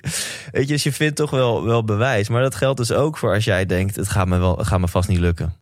Mhm. Ja, dan gaat het je ook niet lukken. Ook als je denkt, het gaat me waarschijnlijk wel lukken ja. beperkende overtuigingen. Ik, ik ben niet goed genoeg om puntje, puntje, puntje. Ik ben het niet waard om puntje, puntje, puntje. Ja, die Thijs met zijn met zijn talenten en met zijn passies, die kan wel in die theater staan, maar ik niet. Weet je, dus wat je ook gelooft, het, het is waar. Mhm. En ehm, daarom is het best wel waardevol om op deze manier, eh, of om, om te gaan werken aan je mindset, om nog maar te zwijgen over die. Ja, die kleine stemmetjes die, die ik ook maar al te veel heb. Ik ben fucking streng voor mezelf. Hoe erg we onszelf omlaag praten in ons hoofd. Van Mhm. eh, waarom heb je dat weer gedaan? En eh, dat had je niet zo moeten zeggen. En nu heb je het voor jezelf verpest. En Ja. eh, domme sukkel ben je ook. En eh, piekeren. En, nou, dat, dat, dat zit allemaal onder de paraplu mindset. Oftewel de stemmetjes in je kop. ja. En ehm, het is eh, heel interessant dat dat te trainen is. Dat dat Mhm. ook gewoon een spier is waar je aan kan werken. En ik ben heel benieuwd dan, Gwen, of, of jij, hoe jij dat ziet. Werk jij aan je mindset? Eh, zeker. Het vermogen om de touwtjes in handen te nemen in je hoofd. Dat is het besef dat ik zelf kan bepalen over hoe ik hoe, over iets denk. Een voorbeeld daarin is: ik heb nooit eh, een hekel gehad aan regen. Regen is nooit Oh ja. een ding voor mij geweest. Totdat ik op een gegeven moment op mezelf woonde al een tijdje. En het eh, was zomer geweest. Het werd herfst. De zon ging weg. En ik dacht, oh jee, ik voel me een beetje moody. Shit, ik mis die zon. Oh jee. Dat bleef zo. En ik bleef het voelen. Stond op. De zon scheen niet. Ik voelde me minder lekker. Ik denk, ja, dag. Dit, en ik wist niet dat ik dit deed totdat ik in aanmerking kwam met je mindset trainen. Maar ik dacht, dit gaan we niet doen. Ik neem er geen genoegen mee dat ik de rest van mijn leven ieder jaar op dit moment me een beetje depressief ga voelen. Wat zijn nou alle fijne dingen? Want ik hou toch ook van de winter. Ja, wat ik lekker vind is, je moet niks. Dus je komt thuis, je hebt een dekentje. Je gaat lekker onder een dekentje liggen en Netflixen. Er is niet een terras dat roept, of een festival, of een feestje. En het is lekker knus, want de kaarsjes kunnen aan. Nou, ik kan nog dertig dingen opnoemen. Ehm, maar ik ben voor mezelf een soort lijstje gaan maken... met dingen die ik lekker vond aan de donkere periode. Tot ik op een gegeven moment achterkwam toen ik boeken ging lezen. En ik, fuck, ik heb gewoon mezelf een andere mindset aangemeend. Dat is interessant. Ik heb het eigenlijk in mijn onderbewustzijn gedaan. Want ik wist niet dat ik dit aan het doen was, maar ik pikte gewoon iets niet. Toen dacht ik, oké, als ik dit dus bij meerdere dingen kan toepassen. Ik zit niet zo lekker in mijn vel, want dit signaleer ik. Of ik vind iets van iemand anders niet leuk. Waar komt dat vandaan? Oh, het komt eigenlijk uit mij. Interessant. Ja. En, en vooral je blik veranderen van... Fuck, waarom gebeurt dit allemaal? Wat is er aan de hand? Ik vind dit allemaal vervelend naar... hey, wat interessant. Wat doet dit met mij? Waar komt dat vandaan? Die blik. Ehm, en dan krijg je gewoon het gevoel van dat je het touwtje in handen hebt. En dat is zo'n krachtig gevoel. Dat je niet meer... Ja, het, je moet je, het leven je bitch maken, zeg ik altijd. Ja, dat is een beetje... Het leven je het leven bitch? je bitch maken. Ja, en dat is, en dat is ook met je gedachten, met alles wat er gebeurt. Ehm, ik laat het me niet allemaal meer gebeuren. En ik, Ja. en dus dat is een. Ik kan hier trouwens drie uur over doorpraten. Maar dit is een beetje hoe ik naar mindset kijk. Ja. En dat, ik noem ook dingen heel vaak mindset tools. Ja. Als dankbaarheid. Ja, dankbaarheid is zo'n tool. Ja, wat ik heb gedaan toen is. Waar ben ik dankbaar voor in de winter? Die shit heb ik zo groot gemaakt. Zodat er zoveel was om dankbaar voor te zijn. Dat die ellendige dingen in mijn hoofd. Het gevoel werd gewoon weggedrukt. Want hey, er is zoveel. Ja. Maar wat heeft ehm, jouw zoektocht naar geluk, voordat we bij het he- heavy gedeelte aankomen, wat, wat heeft dat gedaan met jouw mindset? Wat heeft Tony Robbins onder andere gedaan met jouw mindset? Wat zijn de grootste Eh, meenemers? Is meenemer een Nederlands Meenemer, woord? ja. Is dat, een, Het is dat een woord? Ik probeer bewust geen Engels te praten. Wat is de grootste takeaway? Ja, oké Glenn. Eh, Gwen. Even kijken. La- la- laat me een concrete mindset eh, tip geven. En dan ook iets wat ik Ja, van Tony leuk. Robbins heb geleerd. Want je triggert mij enorm om een, om een concrete mindset eh, tip te geven. Ehm, en, en wat voor de mensen die het al kennen, denken, oh wat cliché. En als je het nog niet kent, denk je, hey, wat interessant. Wat onwijs waar is, is dat je ziet niet de wereld, je ziet continu jezelf. Eh, er is geen waarheid, behalve de waarheid die jij in je kop ergens van maakt. Eh voorbeeld wat ik in mijn nieuwe theatershow vertel, spoiler alert. Even een intens verhaal, maar een tweeling zit op een bank. Twee meisjes van zes. Mama wordt gebeld, het is de dokter. Mama is heel erg ziek en wordt niet meer beter. Mama deelt het nieuws. Papa en mama staan in elkaars armen te janken in die huiskamer. Mhm. Ene meisje slaat op. Wauw, wat mooi. In tijden van tegenslag biedt je elkaar troost. Haar zusje op dezelfde bank. Die slaat op. Jee, wat heftig. In tijden van tegenslag sta ik er helemaal alleen voor. Want Mhm. papa is daar met mama aan het knuffelen en ik zit hier in mijn uppie op de bank. Exact hetzelfde moment. En wat een exact andere imprint. Eh, dus er is geen waarheid, behalve de waarheid die je in je hoofd creëert. En eh, wat ik een interessante, hele concrete mindset oefening vind, is bij een tegenslag, is het nu een gigategenslag, zoals deze coronapandemie, of een klein tegenslagje. Je staat in de rij bij de appie, je hebt haast en iemand voor je doet super langzaam. Wat natuurlijk echt, dat herkennen wij allebei wel als achiever. Je hebt haast en ik heb honger en ik ben moe en ik wil naar huis. Ja. Nou, eh, denk eens bij zo'n tegenslag, waarom is het nou een cadeautje dat dit gebeurt? En voordat nu bij jou de popcorn door de kamer vliegt, het hoeft niet waar te zijn. Hè? Misschien heb je gelijk, misschien is het oneerlijk en jij hebt het niet verdiend en je had beter verdiend en het lag aan anderen. Misschien zou je de rechtszaak winnen, is totaal niet relevant. Maar stel gewoon even jezelf de vraag, even hypothetisch, wat als het een cadeautje is dat dit gebeurt? Stel dat ik guided ben, toch maar een Engels woord te gebruiken, hè? als ik begeleid word. We Als moeten iemand- gewoon vol losgaan met Engelse Precies. woorden en iedereen moet accepteren. Stel dat je guided bent en iemand heeft het beste met je voor. En alles gebeurt met een reden. En alles zit een les en een stukje groei. Wat is een cadeau? En stel gewoon die vraag en kijk met welk antwoord jouw hersenpan komt. En dat is gewoon zo ontzettend interessant. En dan kan je van het kleine in die rij bij de Albert Heijn... kan je ineens denken van... oh, Oké, ik heb even een minuutje om adem te halen. Die had ik vandaag nog niet. Ja. Weet je wat? Ik stuur Gwen even een berichtje dat ik haar echt zo'n toffe chick vind. Weet je wel? Of ik, eh, eh, whatever. Eh, en maar ook in het grote, tot aan deze coronapandemie. Ik kan ontiegelijk balen, heb ik ook gedaan, dat mijn beroep niet meer mag. En ik kan ook denken van, hé, hey, wat interessant. Ik vond van mezelf al dat ik iets te hard aan het schreeuwen en, en eh, aan het werken was. En dat ik eigenlijk wel wat meer mag mediteren en wat meer die zoektocht naar binnen in mag gaan zetten. Ja. Ja, Het is de bril die je opzet. ja, de wereld is in vertraging. Mijn leven is in vertraging. Dit is een cadeautje. Ik kan nu die reis naar binnen gaan omarmen. Zelfs, en het klinkt even heel heftig nu, het overlijden van mijn ma. Ik heb fucking veel verdriet. Ik zou er alles voor doen dat ze terug is. Maar zelfs daarin kan ik mooie dingen zien. Hoe? Nou, allereerst heb ik, en dat is echt hashtag toeval, geen toeval, vlak voordat zij ging. En het is onverwacht, dat wisten we niet. Ze is gewoon in de slaap ineens. Hoe lang is het geleden? Ja, echt eh, vier, vijf maanden. Uh, Wow. Halverwege september, ja. Dat is nog heel vers. Ja, zeker. Hoe oud was ze? 68. Acht- Wauw. Ja. Ook nog zo jong. En nou, ik heb hele mooie gesprekken met haar gevoerd. eh, Vlak voordat ze overleed. En ja, echt alles wat ik eigenlijk van haar wilde weten. Tot aan, mama, hoe was het vroeger? Hoe was het toen ik werd geboren? En ik heb soms het idee gehad dat ik misschien niet altijd de liefde heb gekregen die ik had, had, had, had gewenst of zo. Uh, kan je daaraan relateren? En ze was heel eerlijk over dat ze nou soms het idee had dat ze dat niet kon geven terwijl ze het wel voelde, maar omdat ze ook met haar eigen dingen zat. En ze heeft zelf ook een hele lastige jeugd gehad. En dat gaf me zoveel begrip en liefde. En ik besprak ineens mijn issues met haar, wat ik eigenlijk nooit deed. Ik was altijd, ja, I don't know. Mijn moeder was nooit echt iemand die ik belde voor advies of zo. Mhm. Dat werd ze toen ineens wel. En nou, zonder, zonder dat we te sentimenteel gaan worden, ofwel, mag ook. Echt de laatste sms'jes in de weken voordat ze overleed, stuurde ik naar haar mam. Ik voel je onvoorwaardelijke liefde. Ik ben zo blij en trots dat jij mijn mama bent. En en alsof ze. En ze stuurde berichtjes naar mij in, met een level wijsheid die ik niet eerder van haar had gezien. Alsof ze een soort van al halverwege was en ook kon intappen in een, in een andere wijsheid of zo. En, en eh, gewoon de laatste sms'jes van de laatste vier weken, dat is gewoon alles wat ik ooit van mijn moeder had willen horen. En dat, dat is echt heel bijzonder. Dus les hieruit, als je ouders nog leven en je hebt nog dingen die je met ze wil bespreken, doe dat. Ja.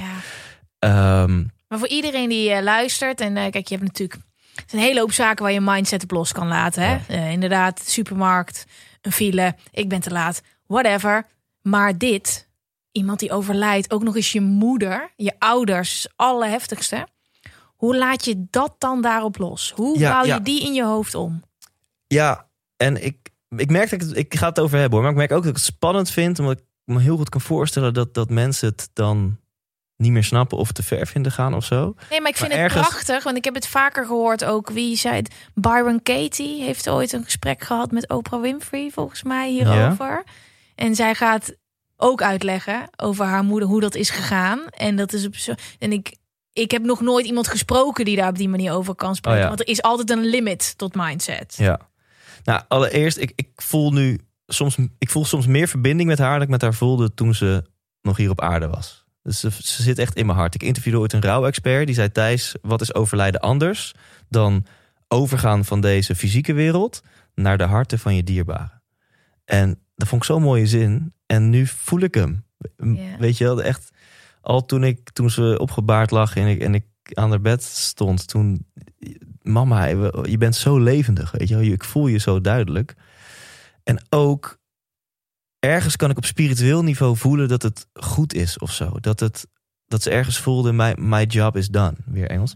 En eh, ik denk dat zij een hele grote missie had. En dat was om de, de moeder voor haar zonen te zijn die ze zelf had gemist. Want ze heeft echt een hele intense jeugd gehad. En eigenlijk net op het moment dat het allemaal goed zat. Ik was smoor verliefd. Ik ben altijd smoor verliefd. Ik had een, eh, een, eh, nou, een vriendin waarvan ik dacht: dit, dit wordt ook de moeder van mijn kinderen. En dat voelde mijn moeder ook. Mijn broer had net een, een nieuw vriendinnetje. En ja, het, het begon een soort van rustig te worden in haar leven. En, en ergens, en ja, het is meer dus een gevoel. Dus ik ben ook aan het zoeken naar woorden. Maar er- ergens kan ik voelen of zo dat haar ziel zoiets had van mission accomplished. En je, je, hebt een best wel strijdersleven gehad. Je hebt best wel hard gevochten. eh, best wel door heel veel pijn heen moeten breken. Maar je missie is volbracht. En het geluk kan nu doorleven in jouw zonen. En jij kan gaan. Wauw. En dat is misschien dan ook alles wat ooit niet goed voelde of negatief was of niet lekker liep. Al het moois blijft over. Ja. Ja, want het is ook echt... Het, het, het is ook, ik heb ook geen makkelijke jeugd gehad. Er is ook echt wel shit gebeurd en zo. Maar de, de laatste... de- uiteindelijk heeft ze echt laten zien wie ze echt was. Gewoon een bom onvoorwaardelijke liefde. Wauw. Ja. En hoe bijzonder dat je dan toch de afgelopen maanden, of dat is dan niet de afgelopen maanden, maar dat je nog gesprekken met haar hebt gehad die je daarvoor helemaal niet hebt gehad. Ja, en dat, dat is... Ik geloof dus niet dat dat toeval is. No fucking Nee. way dat dat toeval is. Nee. En maar dat is, dat is ook alleen in jouw eigen belevingswereld en hoe jij in het Ja. leven staat. En jij weet dat het totaal niet zo was en dat daar iets is veranderd. Ja. Maar het is nog steeds allemaal mega vers. Het is zo kort geleden nog. In ook een jaar wat voor jou heel anders is dan alle andere jaren. Hoe deal je daar dan mee? Ja, dat is dus heel persoonlijk. Ehm, sommige mensen die, die een dierbare verliezen, die, die zitten jarenlang in rouw. En die, die komen zelfs in de ziektewet omdat ze niet eens meer kunnen werken van, van de rouw. Ehm, Dus ik kan alleen maar vertellen hoe ik ermee deal en wat het met mij doet. En misschien als je me over een jaar spreekt, dat hier een gebroken krant zit. En dat Ja. ineens een level rouw nog inkikt, wat er nu nog niet in is gekikt. En ik, maar tot nu toe kan ik zo erg de spirituele perfectie voelen dat ik. ehm, ja, heel veel. Af en toe heb ik echt nog wel een helbui. En ineens zit ik in de auto en dan draai ik Circle of Life van Elton John. En dan begin ik te sproeien. ja. En, maar, maar hoofdzakelijk eh, ja, neem ik echt het mooie mee. En, en, en ja, dat klinkt. Ja, ik voel, schaam me bijna om te zeggen, maar heb ik het niet heel zwaar tot nu toe met het rouwproces? Kan ik er echt het mooie uithalen? Dat is zo individueel en daar hoef je je helemaal niet voor te schamen. Helemaal niet. En wat je zegt is, is echt, dat hoort iedereen ook. Ja, en het is natuurlijk ook anders als je. Ik, hè, ik ben 32, ik zag mijn moeder, denk ik, één à twee keer per maand. En dus Mhm. het is niet dat iemand elke dag in je leven was, dat je elke dag wordt herinnerd aan, oh ja, Ja. weet je, toen stond ik. Dus er nu meer. Ik heb nog wel elke dag minimaal één momentje dat ik denk, oh, even met mama over. Oh shit, Ja. weet je wel? Oh, ik weet nu de mama hierover denkt. Dus dat zit nog wel vers, zeg maar. Ja. Hey, ehm, je hebt natuurlijk ehm, een hele hoop gedaan. Seminars, overal geweest. Wat is het grootste dat je daaruit hebt meegenomen? Wat was, als je eventjes overkoepelend naar die... Het is eigenlijk één grote reis geweest. Wat gaven al die cursussen, seminars, lessen jou voor gevoel? Ehm, uiteindelijk, maar dat is dus echt de waarheid die ik heb gecreëerd door al die puzzelstukjes bij Ja. elkaar te rapen, dat waar we, wat we allemaal zo graag willen, dat gaan we niet vinden in de route die de meeste mensen inzetten. Eh, wat is die route die de meeste ja, mensen en wat willen we? We willen natuurlijk allemaal gelukkig zijn. Ja. We willen allemaal succes, wat jouw definitie van succes ook is. Ehm, of, of daarmee is het eigenlijk misschien al gezegd. We willen allemaal gelukkig zijn en we denken allemaal dat te gaan vinden in succes. En dan snap ik best dat je een wat intelligentere definitie van succes voor jezelf hebt opgesteld dan alleen maar heel veel geld of zo. Ja, dat je, nee, maar succes voor mij is een bepaalde ideale levensstijl en bla bla bla. Dus Thijs, ik heb er echt wel over nagedacht hoor. Ik heb niet gewoon een domme, oppervlakkige definitie van succes. Nee, het gaat Niet om alleen de nieuwe auto. Precies. Ja. En, en dat streven dan met z'n allen na. En daar maken we heel veel offers voor. En daar daar komen we elke dag uit ons bed. En we gaan die, die kant op. En ik heb natuurlijk heel veel topsporters geïnterviewd... die dit tot een extremen doen. Die echt gewoon alles doen en alles laten voor dat ene doel. Om dat ene baantje het snelste te kunnen zwemmen van iedereen ter wereld. Maar wat je zelf misschien ook wel merkt als je een doel behaalt... Nothing's there. Nothing's there. Weet je dat is echt een bammer. Ik, had, Ja. ik, ik was, dat is echt leeg. En dat had ik ook nooit. Dat is de truc van het leven. Echt, ik dacht exact dat. Ja, de hypnose van succes. En natuurlijk ik kom, kom je dat op het cliché van het gaat... it's about the journey, not the destination. Eh, maar dat, dat is ergens wel de essentie. Als je je focust op, op wat voor manier dan ook... als dan, hè, als mijn leven aan X, Y, Z voldoet... dan, oh, dan ben ik gelukkig. En Jan Geurts, mogelijk... Ga, eh, heb je hem al geïnterviewd? Nee, maar ik ben zitten wel ehm, we- in. Nee, die is dus nu al geweest. We hebben een boekenclub met z'n allen de boekenclub. Verslaafd aan liefde. Leuk. Intens. Ja, want heftig. Jan Geurtsologie in één, één minuut. Go. Ehm, wij willen dus dat de omstandigheden perfect zijn. En dan ervaren we geluk. En dat lukt misschien ook eventjes. Dat kan zelfs als je denkt, oh, als, me- als ik vanavond mijn inbox leeg heb. Dan ga je mailbox legen en dat. En ik wil even mijn boekenkast opgeruimd hebben. En mijn, mijn, ontbijtje vanmorgen klaargemaakt hebben. En dan eventjes, en is het allemaal gelukt. En dan... En dan voel je ook echt geluk. Dus dan word je positief geankerd van hé, hey, dit is dus de route. Waarom voel je geluk? Omdat even de omstandigheden eh, eh, voldoen aan de voorwaarden die jij voor jezelf gesteld hebt. En als even de omstandigheden matchen met de voorwaarden die jij gesteld hebt, kan je ego ontspannen. En het ontspannen van het ego, ah, dat is het toelaten van het geluk. Maar waar zat dat geluk? In jezelf. Dat zat er altijd al. Je hebt alleen voor jezelf een aantal voorwaarden opgesomd wanneer je jezelf toestaat om het geluk te voelen. Mhm. Nou, en dat hebben we nog op een veel groter niveau, dus met bepaalde doelen. Dat huis, de verbouwing, als de kids straks uit huis zijn, als we de, de, de, de bruiloft erop zitten, als eh, nou ja, de, de, de, de lockdown erop zit, als ik straks die carrière switch heb gemaakt, als ik die auto heb, of nou, je, je voelt hem. En, en dan ben je dus het als dannen. En het lukt, want als je het even bereikt, dan zal even je ego ontspannen en zal je geluk toelaten. Maar als het altijd al in jou zit, is het dan niet veel waardevoller om die spier te trainen, om gewoon rechtstreeks daar contact mee te maken. Dus wat is mijn grootste inzicht? Antwoord op jouw vraag. Het leven is geen zoektocht naar geluk en succes. Het leven is veel meer een zoektocht naar de verbinding met jezelf. En als je die verbinding met jezelf voelt, die spier traint om rechtstreeks contact te maken met alles wat je zoekt, wat al in je zit: liefde, vrede, geluk, veiligheid. En hoe train je die spier? Ja, aller, aller, allerbeste vraag. En dat is gewoon Engels, not the easy road. Dat is echt de moeilijke weg. Want dat is niet door gewoon te doen wat je altijd al deed. Die spier train je, wat mij betreft, maar op één manier. En dat is door de stilte op te zoeken. De prikkelloosheid. Die spier train je niet in prikkels. En die prikkelloosheid is, of het nou yoga is, een ademhaloefening, mediteren, voor je uitstaren, journalen. Maar je, je, eh, je moet echt afremmen. En, uh, en, en, dan kan je dan- jezelf horen. Ja, Dan hoor je wat jou gelukkig maakt. Nee, jezelf wat daar voelen. zit. ja, Voelen, ja. ja, ja. Niet horen. jezelf voelen. En weet je wat het beste wat je kunt doen is een uur per dag gaan mediteren. Maar dat is een veel te grote stap. Dat gaat niemand die nu luistert doen. Eh, maar begin eens met 10 minuten per dag. Ga eens 10 minuten per dag prikkelloosheid opzoeken. Dus ik ben heel lief voor je. Ik zeg nog niet 10 minuten per dag eh, je chakras reinigen. Ik zeg niet 10 minuten per dag volle bak de anapanna neusademhaling. Wat een hele waardevolle meditatie. Maar gewoon eens wat voor jou het fijnst is. Even 10 minuten geen prikkel. Dus telefoon weg, uit het zicht. Geen afleiding, nul prikkels. Gewoon zitten en ademhalen en voelen.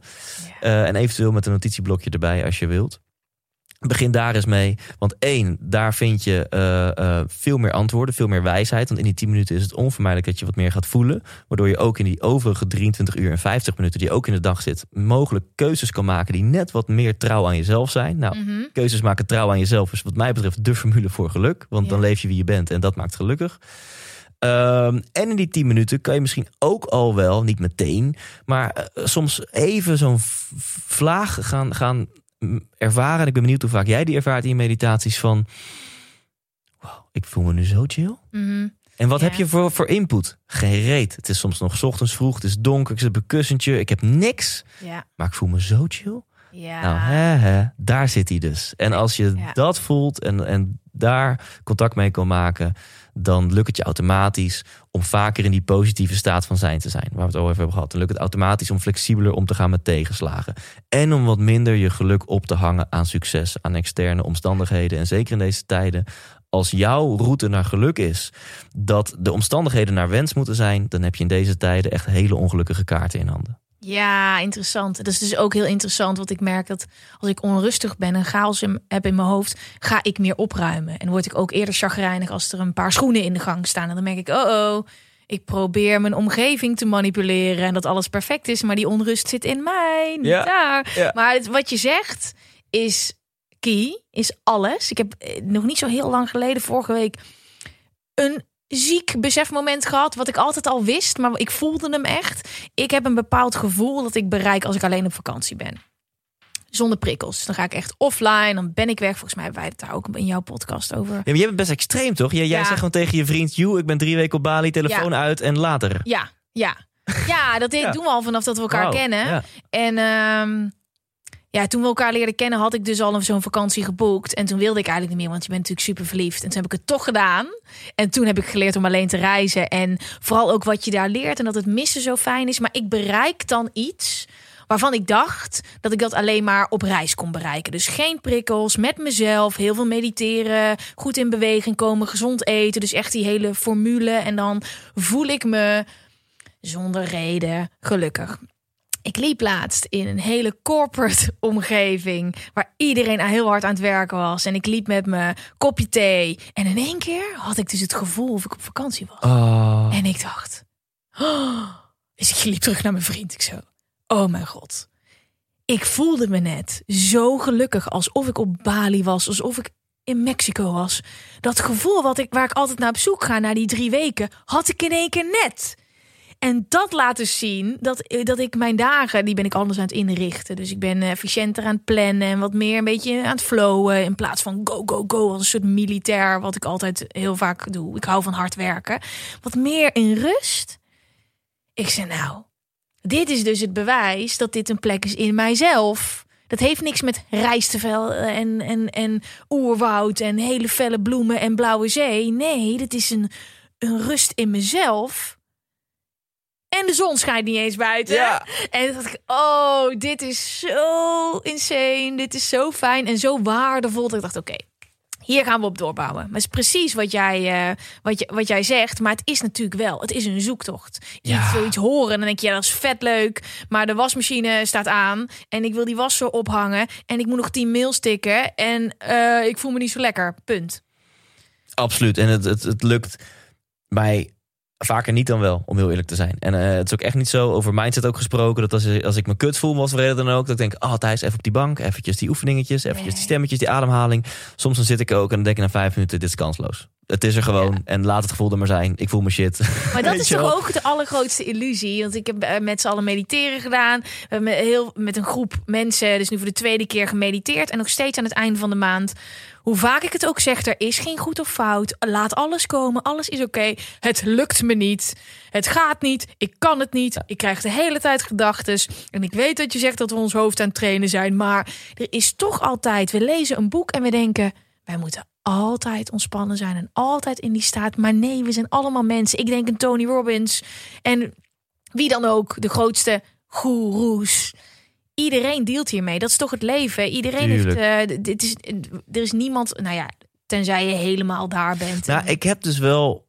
Ik weet niet of verlichte mensen eh, bestaan. Ik interviewde de laatste Robert Bridgman. Die zei: nou, Ik ben niet verlicht. En mensen die dat zeggen, die vertrouw ik niet. ja. Ook wel een mooie uitspraak. Maar ik heb bijvoorbeeld Bentinho Massaro geïnterviewd. Interessante guy. Echt een miljoen volgers op Het is al Facebook. heel wat dat je zijn naam kan uitspreken. ja, en eh, het is een Nederlander gewoon. Maar Be- Bettinho? Bentinho Massaro. En zo- Wat? En ook, dit is niet zijn spiritual name, dit is gewoon zijn naam. Ja. Dus dat ook, ook dat je denkt, oké, bijzonder.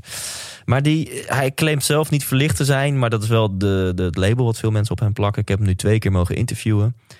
Ja, ik voel wel van gast, waar jij bent, dat is een chille plek, hé. Wie is hij? Wat doet hij? Nou, hij is al zijn hele leven gefascineerd door het, het, het spirituele, het zielenbestaan, het, het eh, energie, nou, dat soort dingen. En op zijn achttiende is hij echt zijn vleugels gaan spreiden en de wereld overgegaan. En alleen maar, nou ja, de- de- die toch naar binnen ingegaan. En nu, en toen is hij ook begonnen met erover een beetje bloggen en delen. En al snel werd hij dus door andere mensen een soort van goeroe genoemd. En hij seminars geven. En is hij best wel groot geworden, best wel een grote naam geworden. En ehm, ik vroeg ook aan hem van waar jij bent. Hoe hoeven het niet te labelen, maar waar jij bent. Hoe kom je daar? Ja, ja, hoe kom je daar en hoe is het daar? En toen zag ik echt zo'n twinkeling in zijn ogen. Hij zegt, het was in het Engels dit interview geloof ik. Want ik heb me één keer in het Nederlands en één keer in het Engels geïnterviewd. En hij zegt, Thijs, where I am, there's a level of self-love. Level of peace. Level of, weet ik wat hij zei, safety. Level of joy and playfulness you cannot imagine. Oh. You cannot. En ik voelde het gewoon. Je voelt gewoon je nekspieren ontspannen als Ah, iemand zoiets hij, ja, zegt. hij zegt, ik heb gewoon zoveel zelfliefde. Het is gewoon niet normaal. Het is gewoon zo chill. Ik wil eigenlijk alleen maar gewoon alleen zijn. En ik voel me fijn en top. En ik, wow. Dat vind ik dus interessant. Daar had ik het met iemand over na het lezen van eh, eh, Verslaafd aan Liefde. Mhm. Zegt Jan de Geurts op een gegeven moment.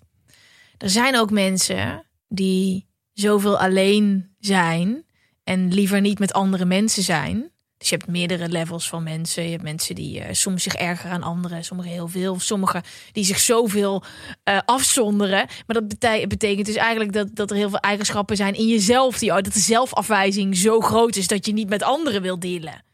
Maar ik weet dus niet of ik heel veel alleen wil zijn omdat ik zoveel eigenschappen in mezelf afwijs. Of dat ik oprecht gewoon helemaal oké ben met mezelf. Ja, Ja, toch? precies. Fuck Jan Geurts. Ja, fuck Jan. Nee, Jan. Oh, nee, nee. I love you. Nee, Nee. maar ik vond het heel interessant. Ja. Want hij gaf me wel een hele andere blik op. Ja, ik ben dus Ja. echt super graag alleen. Dat is gewoon omdat ik echt graag alleen ben.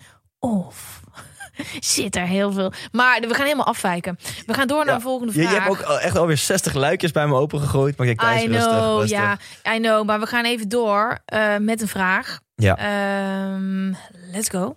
Hey Gwen, ik hoor jou en je gast in de podcast vaak praten over de tegenslagen die er zijn geweest in het leven en dat ze zo waardevol waren. Mm. Betekent dat dat je zoveel mogelijk tegenslagen moet hebben om uiteindelijk gelukkig te zijn? Of zeg ik nu iets geks? Hebben jullie allebei een voorbeeld van een tegenslag die je gemaakt heeft? Oké, heel even een disclaimer. Ik krijg deze vraag, vraag best wel vaak. Gwen, je praat over je burn-out. Moet ik dan een burn-out hebben om Oh, echt ja. gelukkig te worden? Maar ik praat natuurlijk uit mezelf. Hè? Ik praat natuurlijk uit Ja. mijn ervaringen, wat mij gevormd heeft. Ik zeg niet. Zorg dat je een burn-out krijgt en dan is, heb je pas ultiem geluk. Dit is mijn verhaal en ieders verhaal is anders. Maar jij teasde er al een paar keer Mhm. naar. Bij jou is het je zoektocht naar gelukkig zijn omgeslagen in een extreme. En we weten allebei waar het extreem wordt. Dan gaat het ook af en toe fout. Ja. En bij jou liep het op een gegeven moment ook niet meer zo lekker. Wat gebeurde er precies? Ehm, ja, ik heb twee keer iets, iets extreems meegemaakt. Eentje een paar jaar geleden in mijn burn-out. En eentje is nog maar een jaar geleden eh, toen ik eh, mijn lichaam besloot om emoties toe te gaan laten. En, en dat, dat, dat bracht me ook op een, nog meer op het pad naar binnen toe dan ik Ja. al dacht te zijn. Maar de, de eerste keer was na, ik denk een jaartje of zeven, acht op dat pad te hebben gezeten. eh, waar ik nou, van, dit interview over heb verteld. Hè? Dus Ja. gewoon inspirerend en tof, maar ook obsessief. En inderdaad wel een beetje extreem. Ja. En, en ja, het ziet er dan cool uit van eh, ongelukkig vrijgezel naar gelukkig in de liefde. En van een Opel Astra naar een rode Tesla Model S. En van een studentenhuis naar een luxe appartement. En eh, met droomdrumstel. En van ongelukkig in loondienst naar gelukkig en gepassioneerd in mijn eigen onderneming. Weet je wel, op papier, wow, weet je wel. Ik krijg ook heel veel energie van als je dit zegt. Ja, Het, het lukt allemaal. Het viel allemaal op zijn plek. Ik was zo'n irritant voorbeeld van zo'n gast die, waarbij het gewoon allemaal lukt. En weet je wel. fucking jong ook. Ja, ja. Want hoe oud was je toen je op dit punt kwam? Ja, dat dat, dat, dat allemaal, eh, ook, ook financieel gezien en zo, allemaal wel mijn, mijn kant op kwam, was er wel op mijn 5, 26ste. Ten, ten, ten. Ja. Ja. En, ehm, eh, maar je vraag was hoe, hoe je tegenslag, en daar wil ik heel veel over vertellen, ga ik denk ik ook doen. Maar uiteindelijk eh, flikkerde dat hele kaarthuis in. En ik, ik werkte gewoon te hard. Dus ik was op mijn reserves aan het lopen. Je bent jong, je hebt het niet door. Dus je denkt dat je, je, je, je verbruikt elke dag 120 procent. ja. Maar omdat je dat al jarenlang doet, denk je dat dat de norm is. Dus je denkt dat je 100% doet, maar je doet 120%. Die Nou, doe dat ik. 5, 6, 7 jaar lang. Je, je bent op je reserves aan het lopen na een tijdje. En ik dacht dat ik stabiel was. Ik dacht dat ik in balans was. Ik dacht dat ik dingen aankon. Maar blijkbaar was ik zo wankel als vak. En hoefde er maar iets te gebeuren om mij omver te krijgen. En dat iets, dat was in mijn geval een zakelijk conflict met een toenmalige compagnon. Met een heel naar traject met juristen en advocaten. En Thijs werd eventjes die burn-out ingeknikkerd. En ik Hoe- er helemaal af. Hoe, hoe, neem ons even mee terug Als ik dat in moment. die tijd dit, want we zijn nu al een uurtje aan het praten, dan Ja. had ik nu, als ik al nu nog met jou dat gesprek aan het voeren was, had ik me heel dizzy gevoeld. Echt van, en, en met vlagen van, ga ik flauw vallen? Ga ik flauw vallen? En had ik hierna, was ik weer naar huis gegaan en was ik op bed gaan liggen. Dus echt een, een uurtje per dag gefocust. Dat was een beetje de max. En dat uurtje al was wazig en, en, en, en moeilijk. Ik heb best wel vaak ook in die periode voor de groep gestaan. In de overtuiging dat ik zou gaan flauwvallen. Ook wel eens dat ik dacht. Ben ik nu, dat je echt soort van uit je lichaam treedt en denkt: ben ik nu nog aan het praten voor de groep? Of lig ik al op de grond en beeld ik me dit in? Maar eerlijk, hè, jij bent de hele wereld overgegaan. Je hebt super veel geld uitgegeven aan allemaal mensen die zeggen wat de formule is. Jij past die formule toe en jij komt op zo'n moment. Wat dacht jij? Ja, wat, de fuck is hier aan nou ja, verward. Want dit was één. eh, die, die, die burn-out. Mijn bedrijf ging bijna failliet. Eh, Mijn toenmalige vriendin ging bij me weg. Eh, emotioneel voelde ik me shit. Energetisch voelde ik me shit. Ik heb toch de formule? Ja, Tony, bel hem. Ja. Tony, bro. Ja. Dus ja, alleen maar vragen. Hoe had dit kunnen... Ik ben die analyticus, hè, die analist. Dus hoe had dit kunnen gebeuren? Heb ik fouten gemaakt? Heb ik iets over het hoofd gezien? Had ik het kunnen voorkomen? En eh, ja, daar heb ik wel wat antwoordjes op gevonden. En één heb ik denk ik al gedeeld. Dat ik dus veel te gefocust was op als dan. En, en ik moet succes, want dan zal ik gelukkig zijn. En als je dieper graaft, dan merk je ook wel... Ja, wat wil ik eigenlijk? Ik wil gewoon liefde, erkenning, waardering. Ja. Ehm, ik wilde ook wel heel graag continu druk zijn. Want als je continu druk bent, hoef je nooit stil te staan, hoef je nooit te voelen. En op onbewust niveau wist ik ook wel, als ik stil ga staan, ga ik dingen voelen die ik niet zo graag wil voelen. En om het wat praktischer te maken, ik was super confrontatiemijdend. En eh, dat, dat heeft eh, gewoon eh, in heel veel relaties de das omgedaan. Als je gewoon continu gaat pleasen, je, je eigen gedrag gaat aanpassen naar de ander, niet durft te zeggen wat je eigenlijk vindt, niet je eigen grenzen aangeeft. Kun je een voorbeeld geven?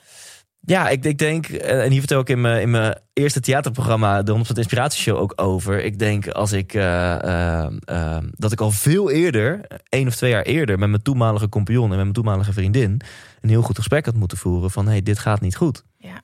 Echt mijn ballen bij elkaar had moeten rapen van, ik ben doodsbang dat dit gesprek misschien gaat leiden naar een, een break-up. Maar eh, eh, dit voelt voor mij niet meer goed en we, mo- we moeten praten. Mhm. En dat durfde ik gewoon niet. En dan, eh, ja, dan schuif je het onder het tapijt. En als je dat maar lang genoeg doet, dan komt hij een keer uit. Dus lo- los van het, de spirituele les is gewoon een hele praktische les. Dat ik een pleaser ben. Ik snap ook waar dat vandaan komt. En dat ik heel graag de situatie wil redden. En ik ben een soort van de, de, degene die altijd wil dat, dat de sfeer goed is. Waar komt dat vandaan? Ja, de sfeer thuis was vroeger vaak niet zo goed. En Ja. dan, dan dat, je oplossen? ja, wil ik oplossen. En oh, als de sfeer maar goed blijft. En nou, die skill is fijn als je voor duizend man staat in een theater. Dan is het een talent.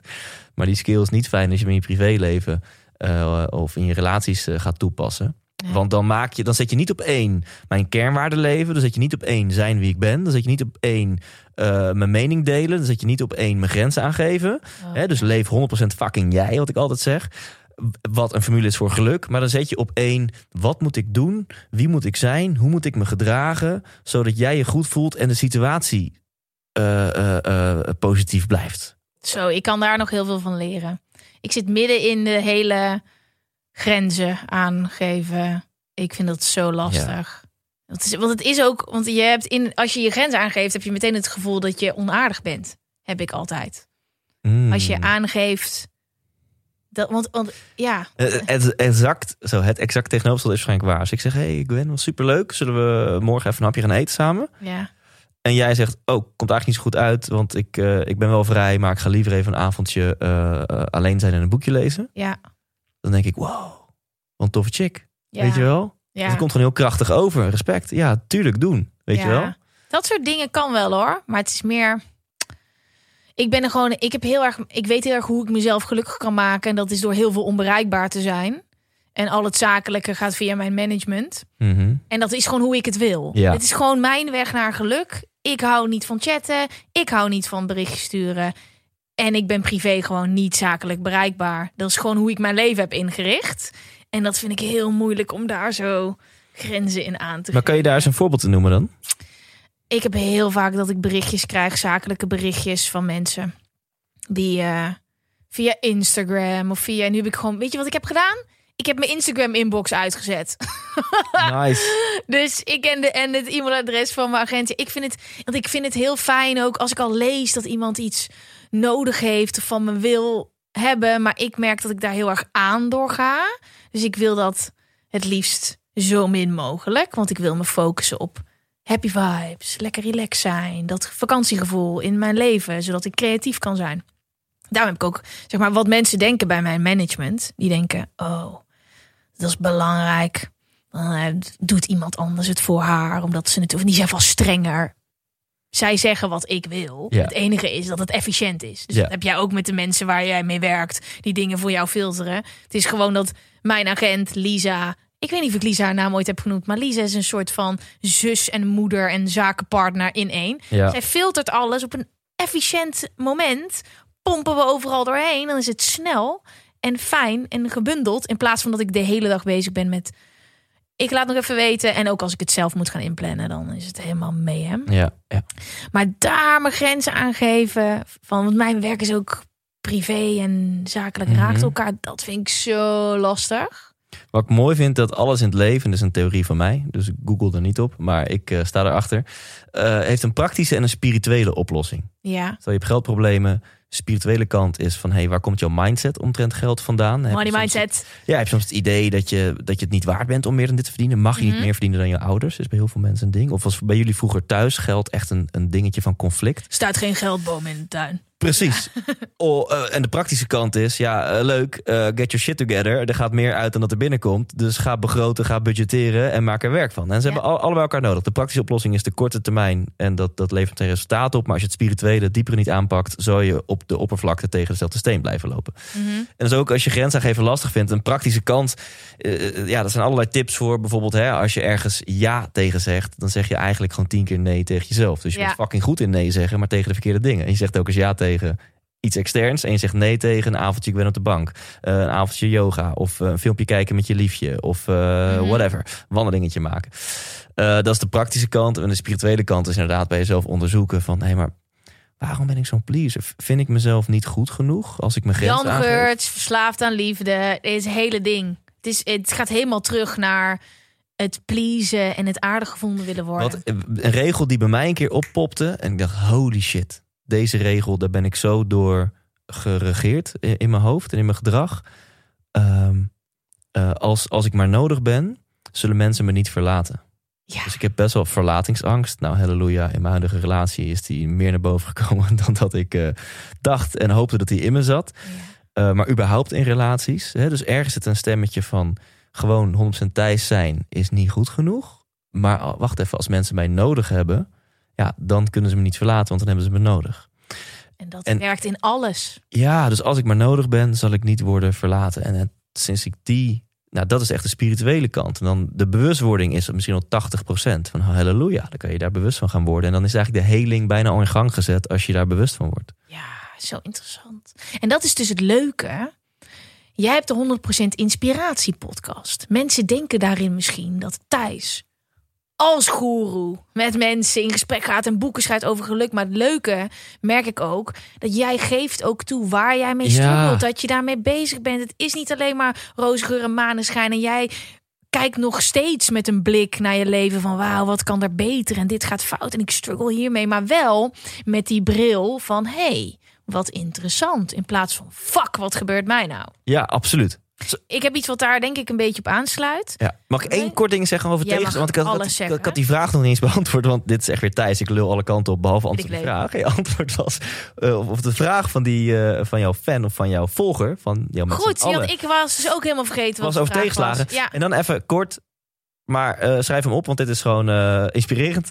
Eh, het tegenslagen is, is echt het mooiste wat er is. Daar zit, Ja. de, de, het is wat ik net zei, waarom is het cadeautje dat dit gebeurt? Dat is in mijn ogen geen spiritueel gezweef. Dat is, de, dat is gewoon de waarheid. Je leert het hardste door tegenslagen. Je lichaam slaat alles op. En is het last van je rug? Is het een blessure? Is het last van je maag? Is het hoofdpijn? Is het een burn-out? Is het een depressie? Ja. Is het overprikkeld, overspannen? It's a fucking sign. Daar zit zo'n grote les in. Ja. En, en, en wij zijn geen uitzonderingen van mensen die zeggen... och, die burn-out, dat was een goudmijn. ja. En, en, en het is net hoe koppig je bent. Want als je hem niet pakt en je gaat lekker naar de dokter... en je gaat, pakt gewoon lekker de, de symptoombestrijding... Je gooit er lekker een paar oxazepam in en je slaapt hem uit. Precies, dan, eh, ja, dan komt hij wel weer terug. Want het universum is dan wel, eh, hoe zeg je dat, eh, genadeloos. En die gaat net zo lang door tot jij les pakt. Dus er zit echt een les in. Ja, 100%. Ze vraagt natuurlijk ook... Wat, eh, hebben jullie allebei een voorbeeld van een tegenslag? Nou ja, je, je zegt het al in de vraag. ik praat heel vaak over mijn burn-out. En wat ik daaruit heb geleerd is dat... alles wat je meemaakt, waarvan je denkt... ik hoef hier nu niks mee te doen. Deze situatie is super kut, super vervelend, super verdrietig... ik ben super erg gekwetst. Ik dacht altijd, ja, ik ga hier niet in mee. Positief denken, ik hoef hier niks mee te doen. Maar wat ik niet wist, is dat het allemaal in mijn rugzak komt. En dat het uiteindelijk er allemaal uitkomt. Ja, Je kan het niet wegduwen, je kan het niet verstoppen. Ehm, ik heb echt moeten leren om me kut te voelen.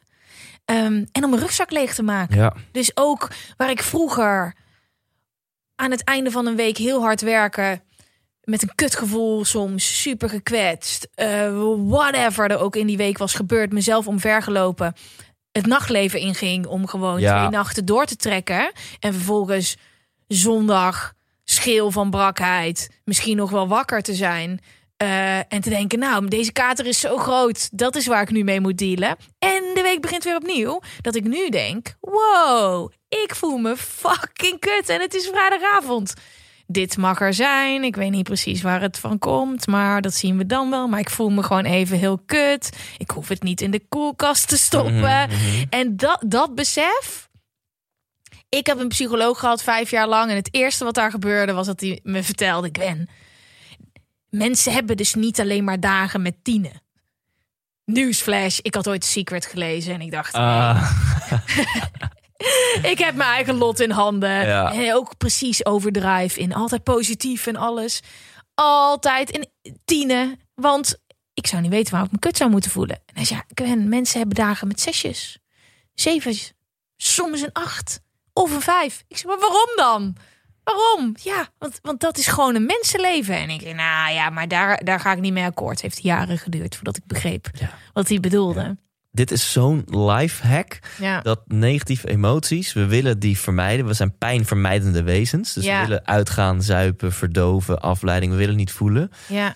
Terwijl als je die er laat zijn of zelfs het op gaat zoeken... dat is op de korte termijn zo hard de moeilijke weg. Ja. Maar dat leerde ik laatst van Jan Bommeré, die ik ook interviewde.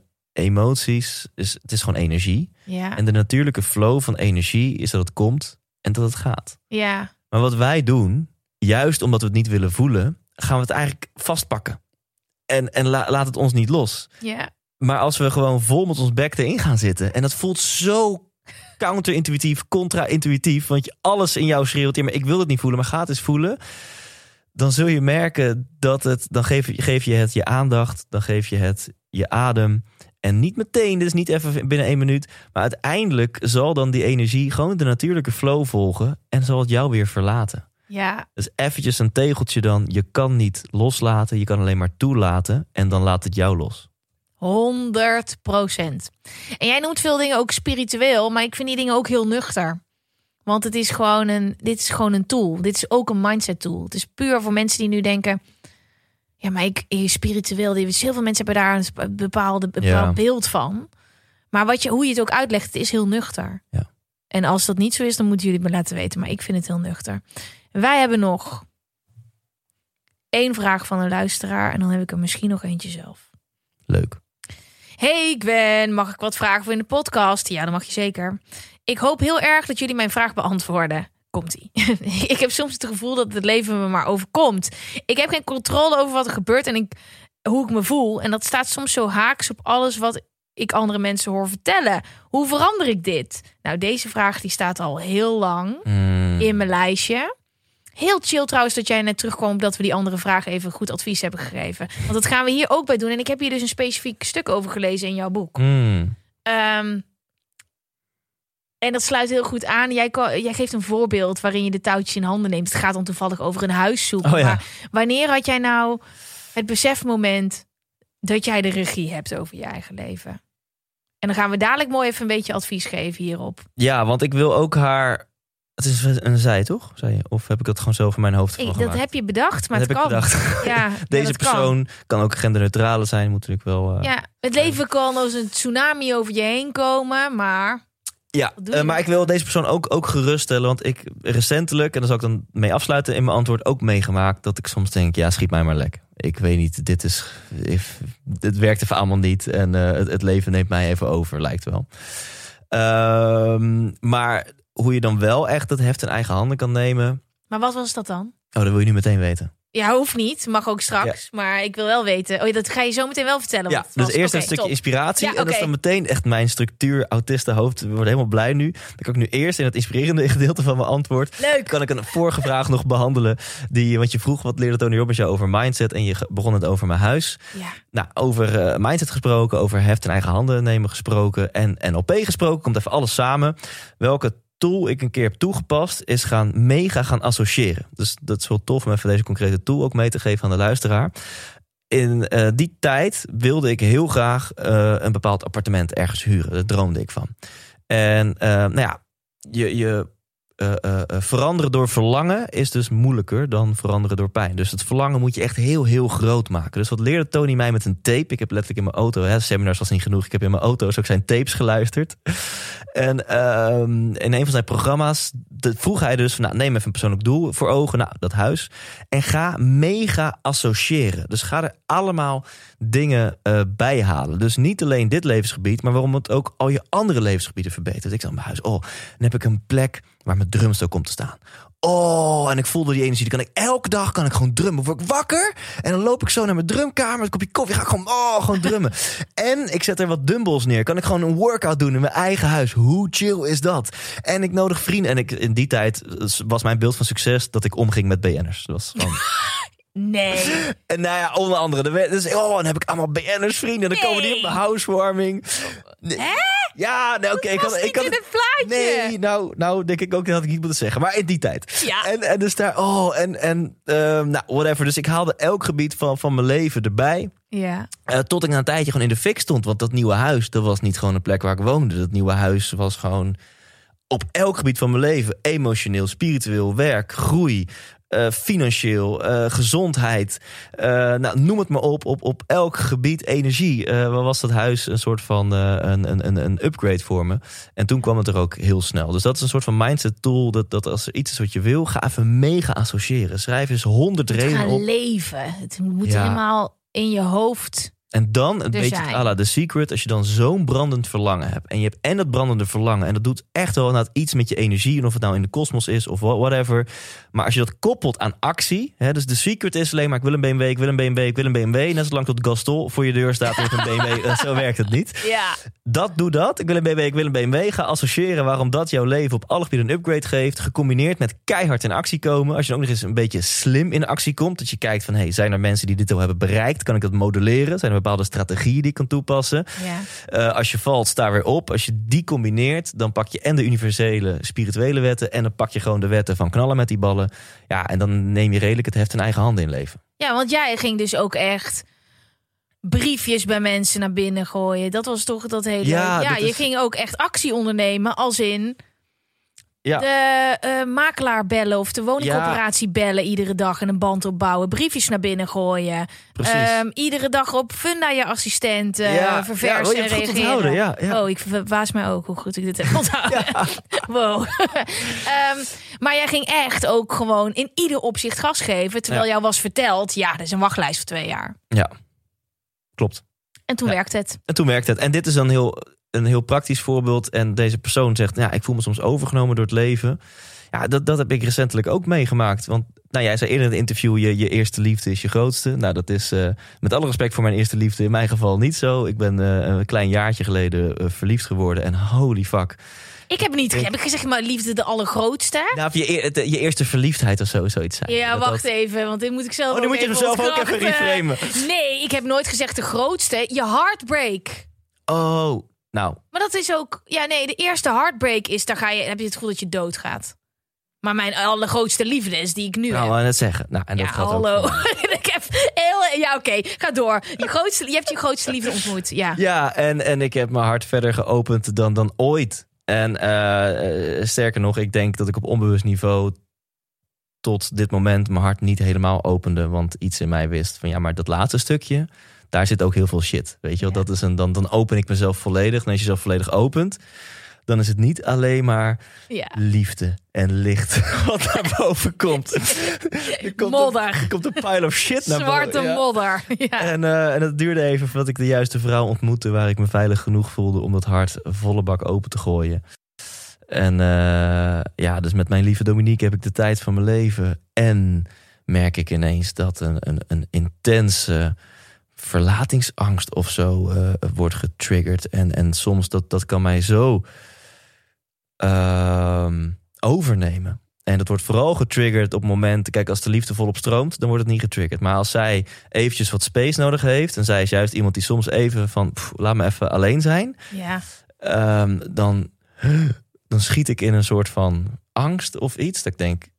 Eerst dacht ik, oh, dat heeft met het hier en nu te maken. En later kwam ik erachter, nee, dit wordt, dit wordt een- op, een, op een knopje gedrukt. En misschien is een paar procent van het hier en nu. Maar die andere 99 procent is van een, een pijn die blijkbaar al in mij zat. En dit herinnert mij op onbewust niveau aan een periode eerder in mijn leven. Mhm.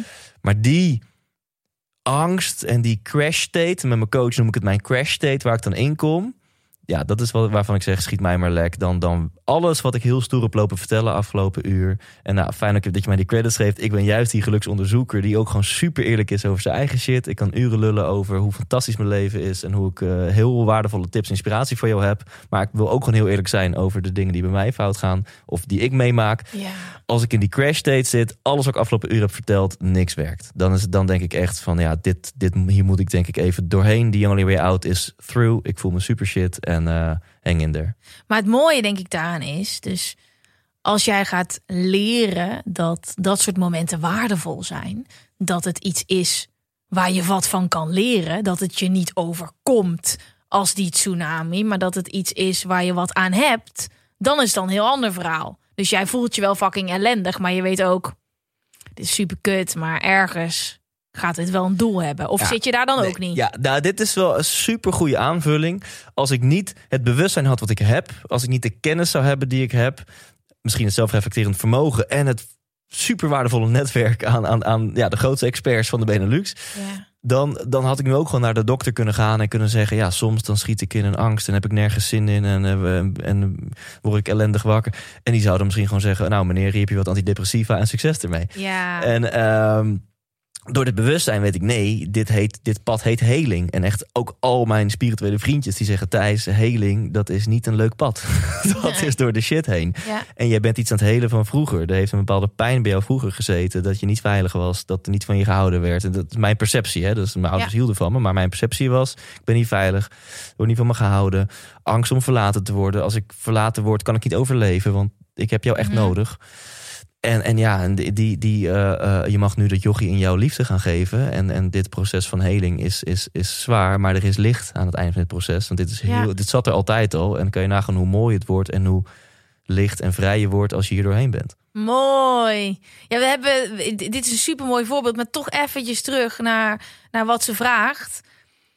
Ik heb geen controle over wat er gebeurt en hoe ik me voel. En dat staat soms zo haaks op alles wat ik andere mensen hoor vertellen. Hoe verander ik dit? Dit is een stukje persoonlijk leiderschap. Heb jij een ABC'tje? Om hem even af te sluiten. Persoonlijk leiderschap. Stap uit die slachtofferrol. En ik zeg niet dat je een slachtoffer bent. Maar dat is een beetje van als je het gevoel hebt dat alles jou gebeurt. Hè, dat jij niet die touwtjes in handen hebt. Dat jij niet die mindstate kan trainen. Wat kan je doen als je dat gevoel hebt?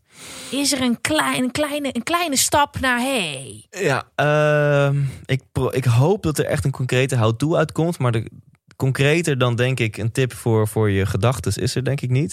Ik denk aan de ene kant, it's okay. Het, het, het is er blijkbaar voor een reden. Dus, want vaak is jouw angst voor de angst of jouw mening over het gevoel of jouw oordeel over de situatie is nog veel erger dan de angst of het gevoel of de situatie. Mhm. Dus je doet er nog een, een multiplier overheen met je eigen afwijzing. Dus één, it's okay. Dus wees lief voor jezelf. Blijkbaar heeft jouw lijf of jouw hoofd een hele goede reden om nu dit gevoel aan te maken of om, om je zo hierover te voelen. Dus stop met zelfafwijzing, start met zelfliefde. It's okay. En de tweede, Engelse zin van onze vriend Tony Robbins: give meaning to the suffering.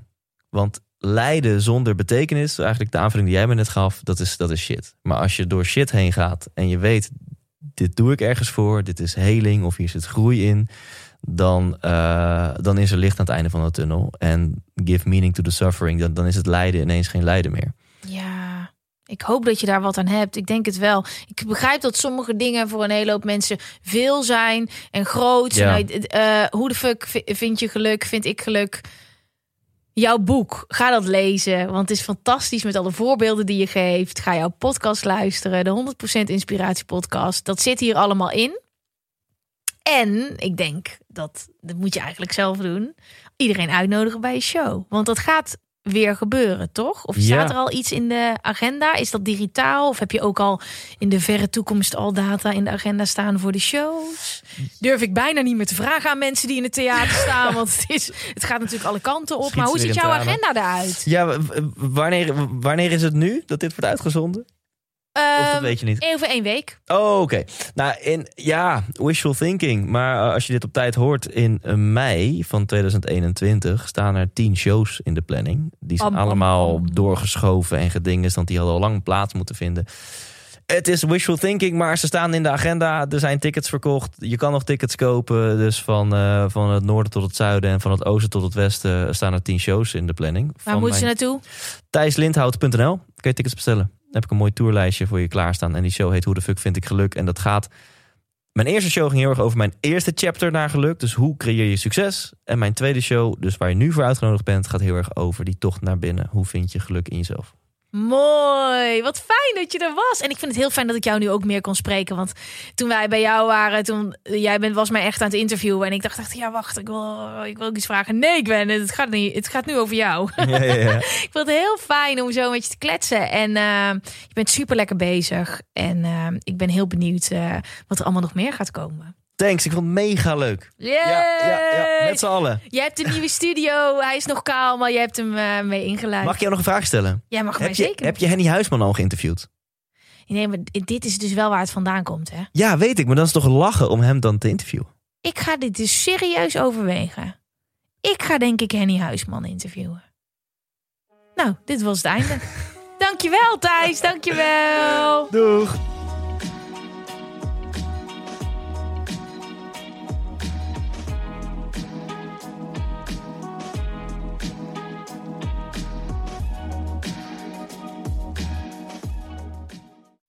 Dit is vervelend. We hebben nog 30 seconden advertentieruimte beschikbaar, maar jouw merk zit er niet in. Wil jij deze ruimte beter benutten en staan waar voorheen HelloFresh of Samsung stonden? Mail dan naar adverteren@tonymedia.nl. Weet je waar ik zo'n tyfushekel aan heb? Toeristen, als het te druk is in de stad, zelf koken. Ja, alles wat je nu zojuist benoemt. En daarom maken jij, denk Daan Hogevorst, En Robert Rodenburg. een podcast waarin we alleen maar klagen. Want klagen is HET medicijn tegen het collectieve leed wat maandag heet. Dus elke maandagochtend een nieuwe te horen op je favoriete podcast-app. Maandag Klaagdag! Jezus, zingen moeten wij nooit doen. Ever catch yourself eating the same flavorless dinner three days in a row? Dreaming of something better? Well, HelloFresh is your guilt-free dream come true, baby. It's me, Kiki Palmer. Let's wake up those taste buds with hot, juicy pecan-crusted chicken or garlic butter shrimp scampi. Mm. Hello Fresh. Stop dreaming of all the delicious possibilities and dig in at HelloFresh.com. Let's get this dinner party started.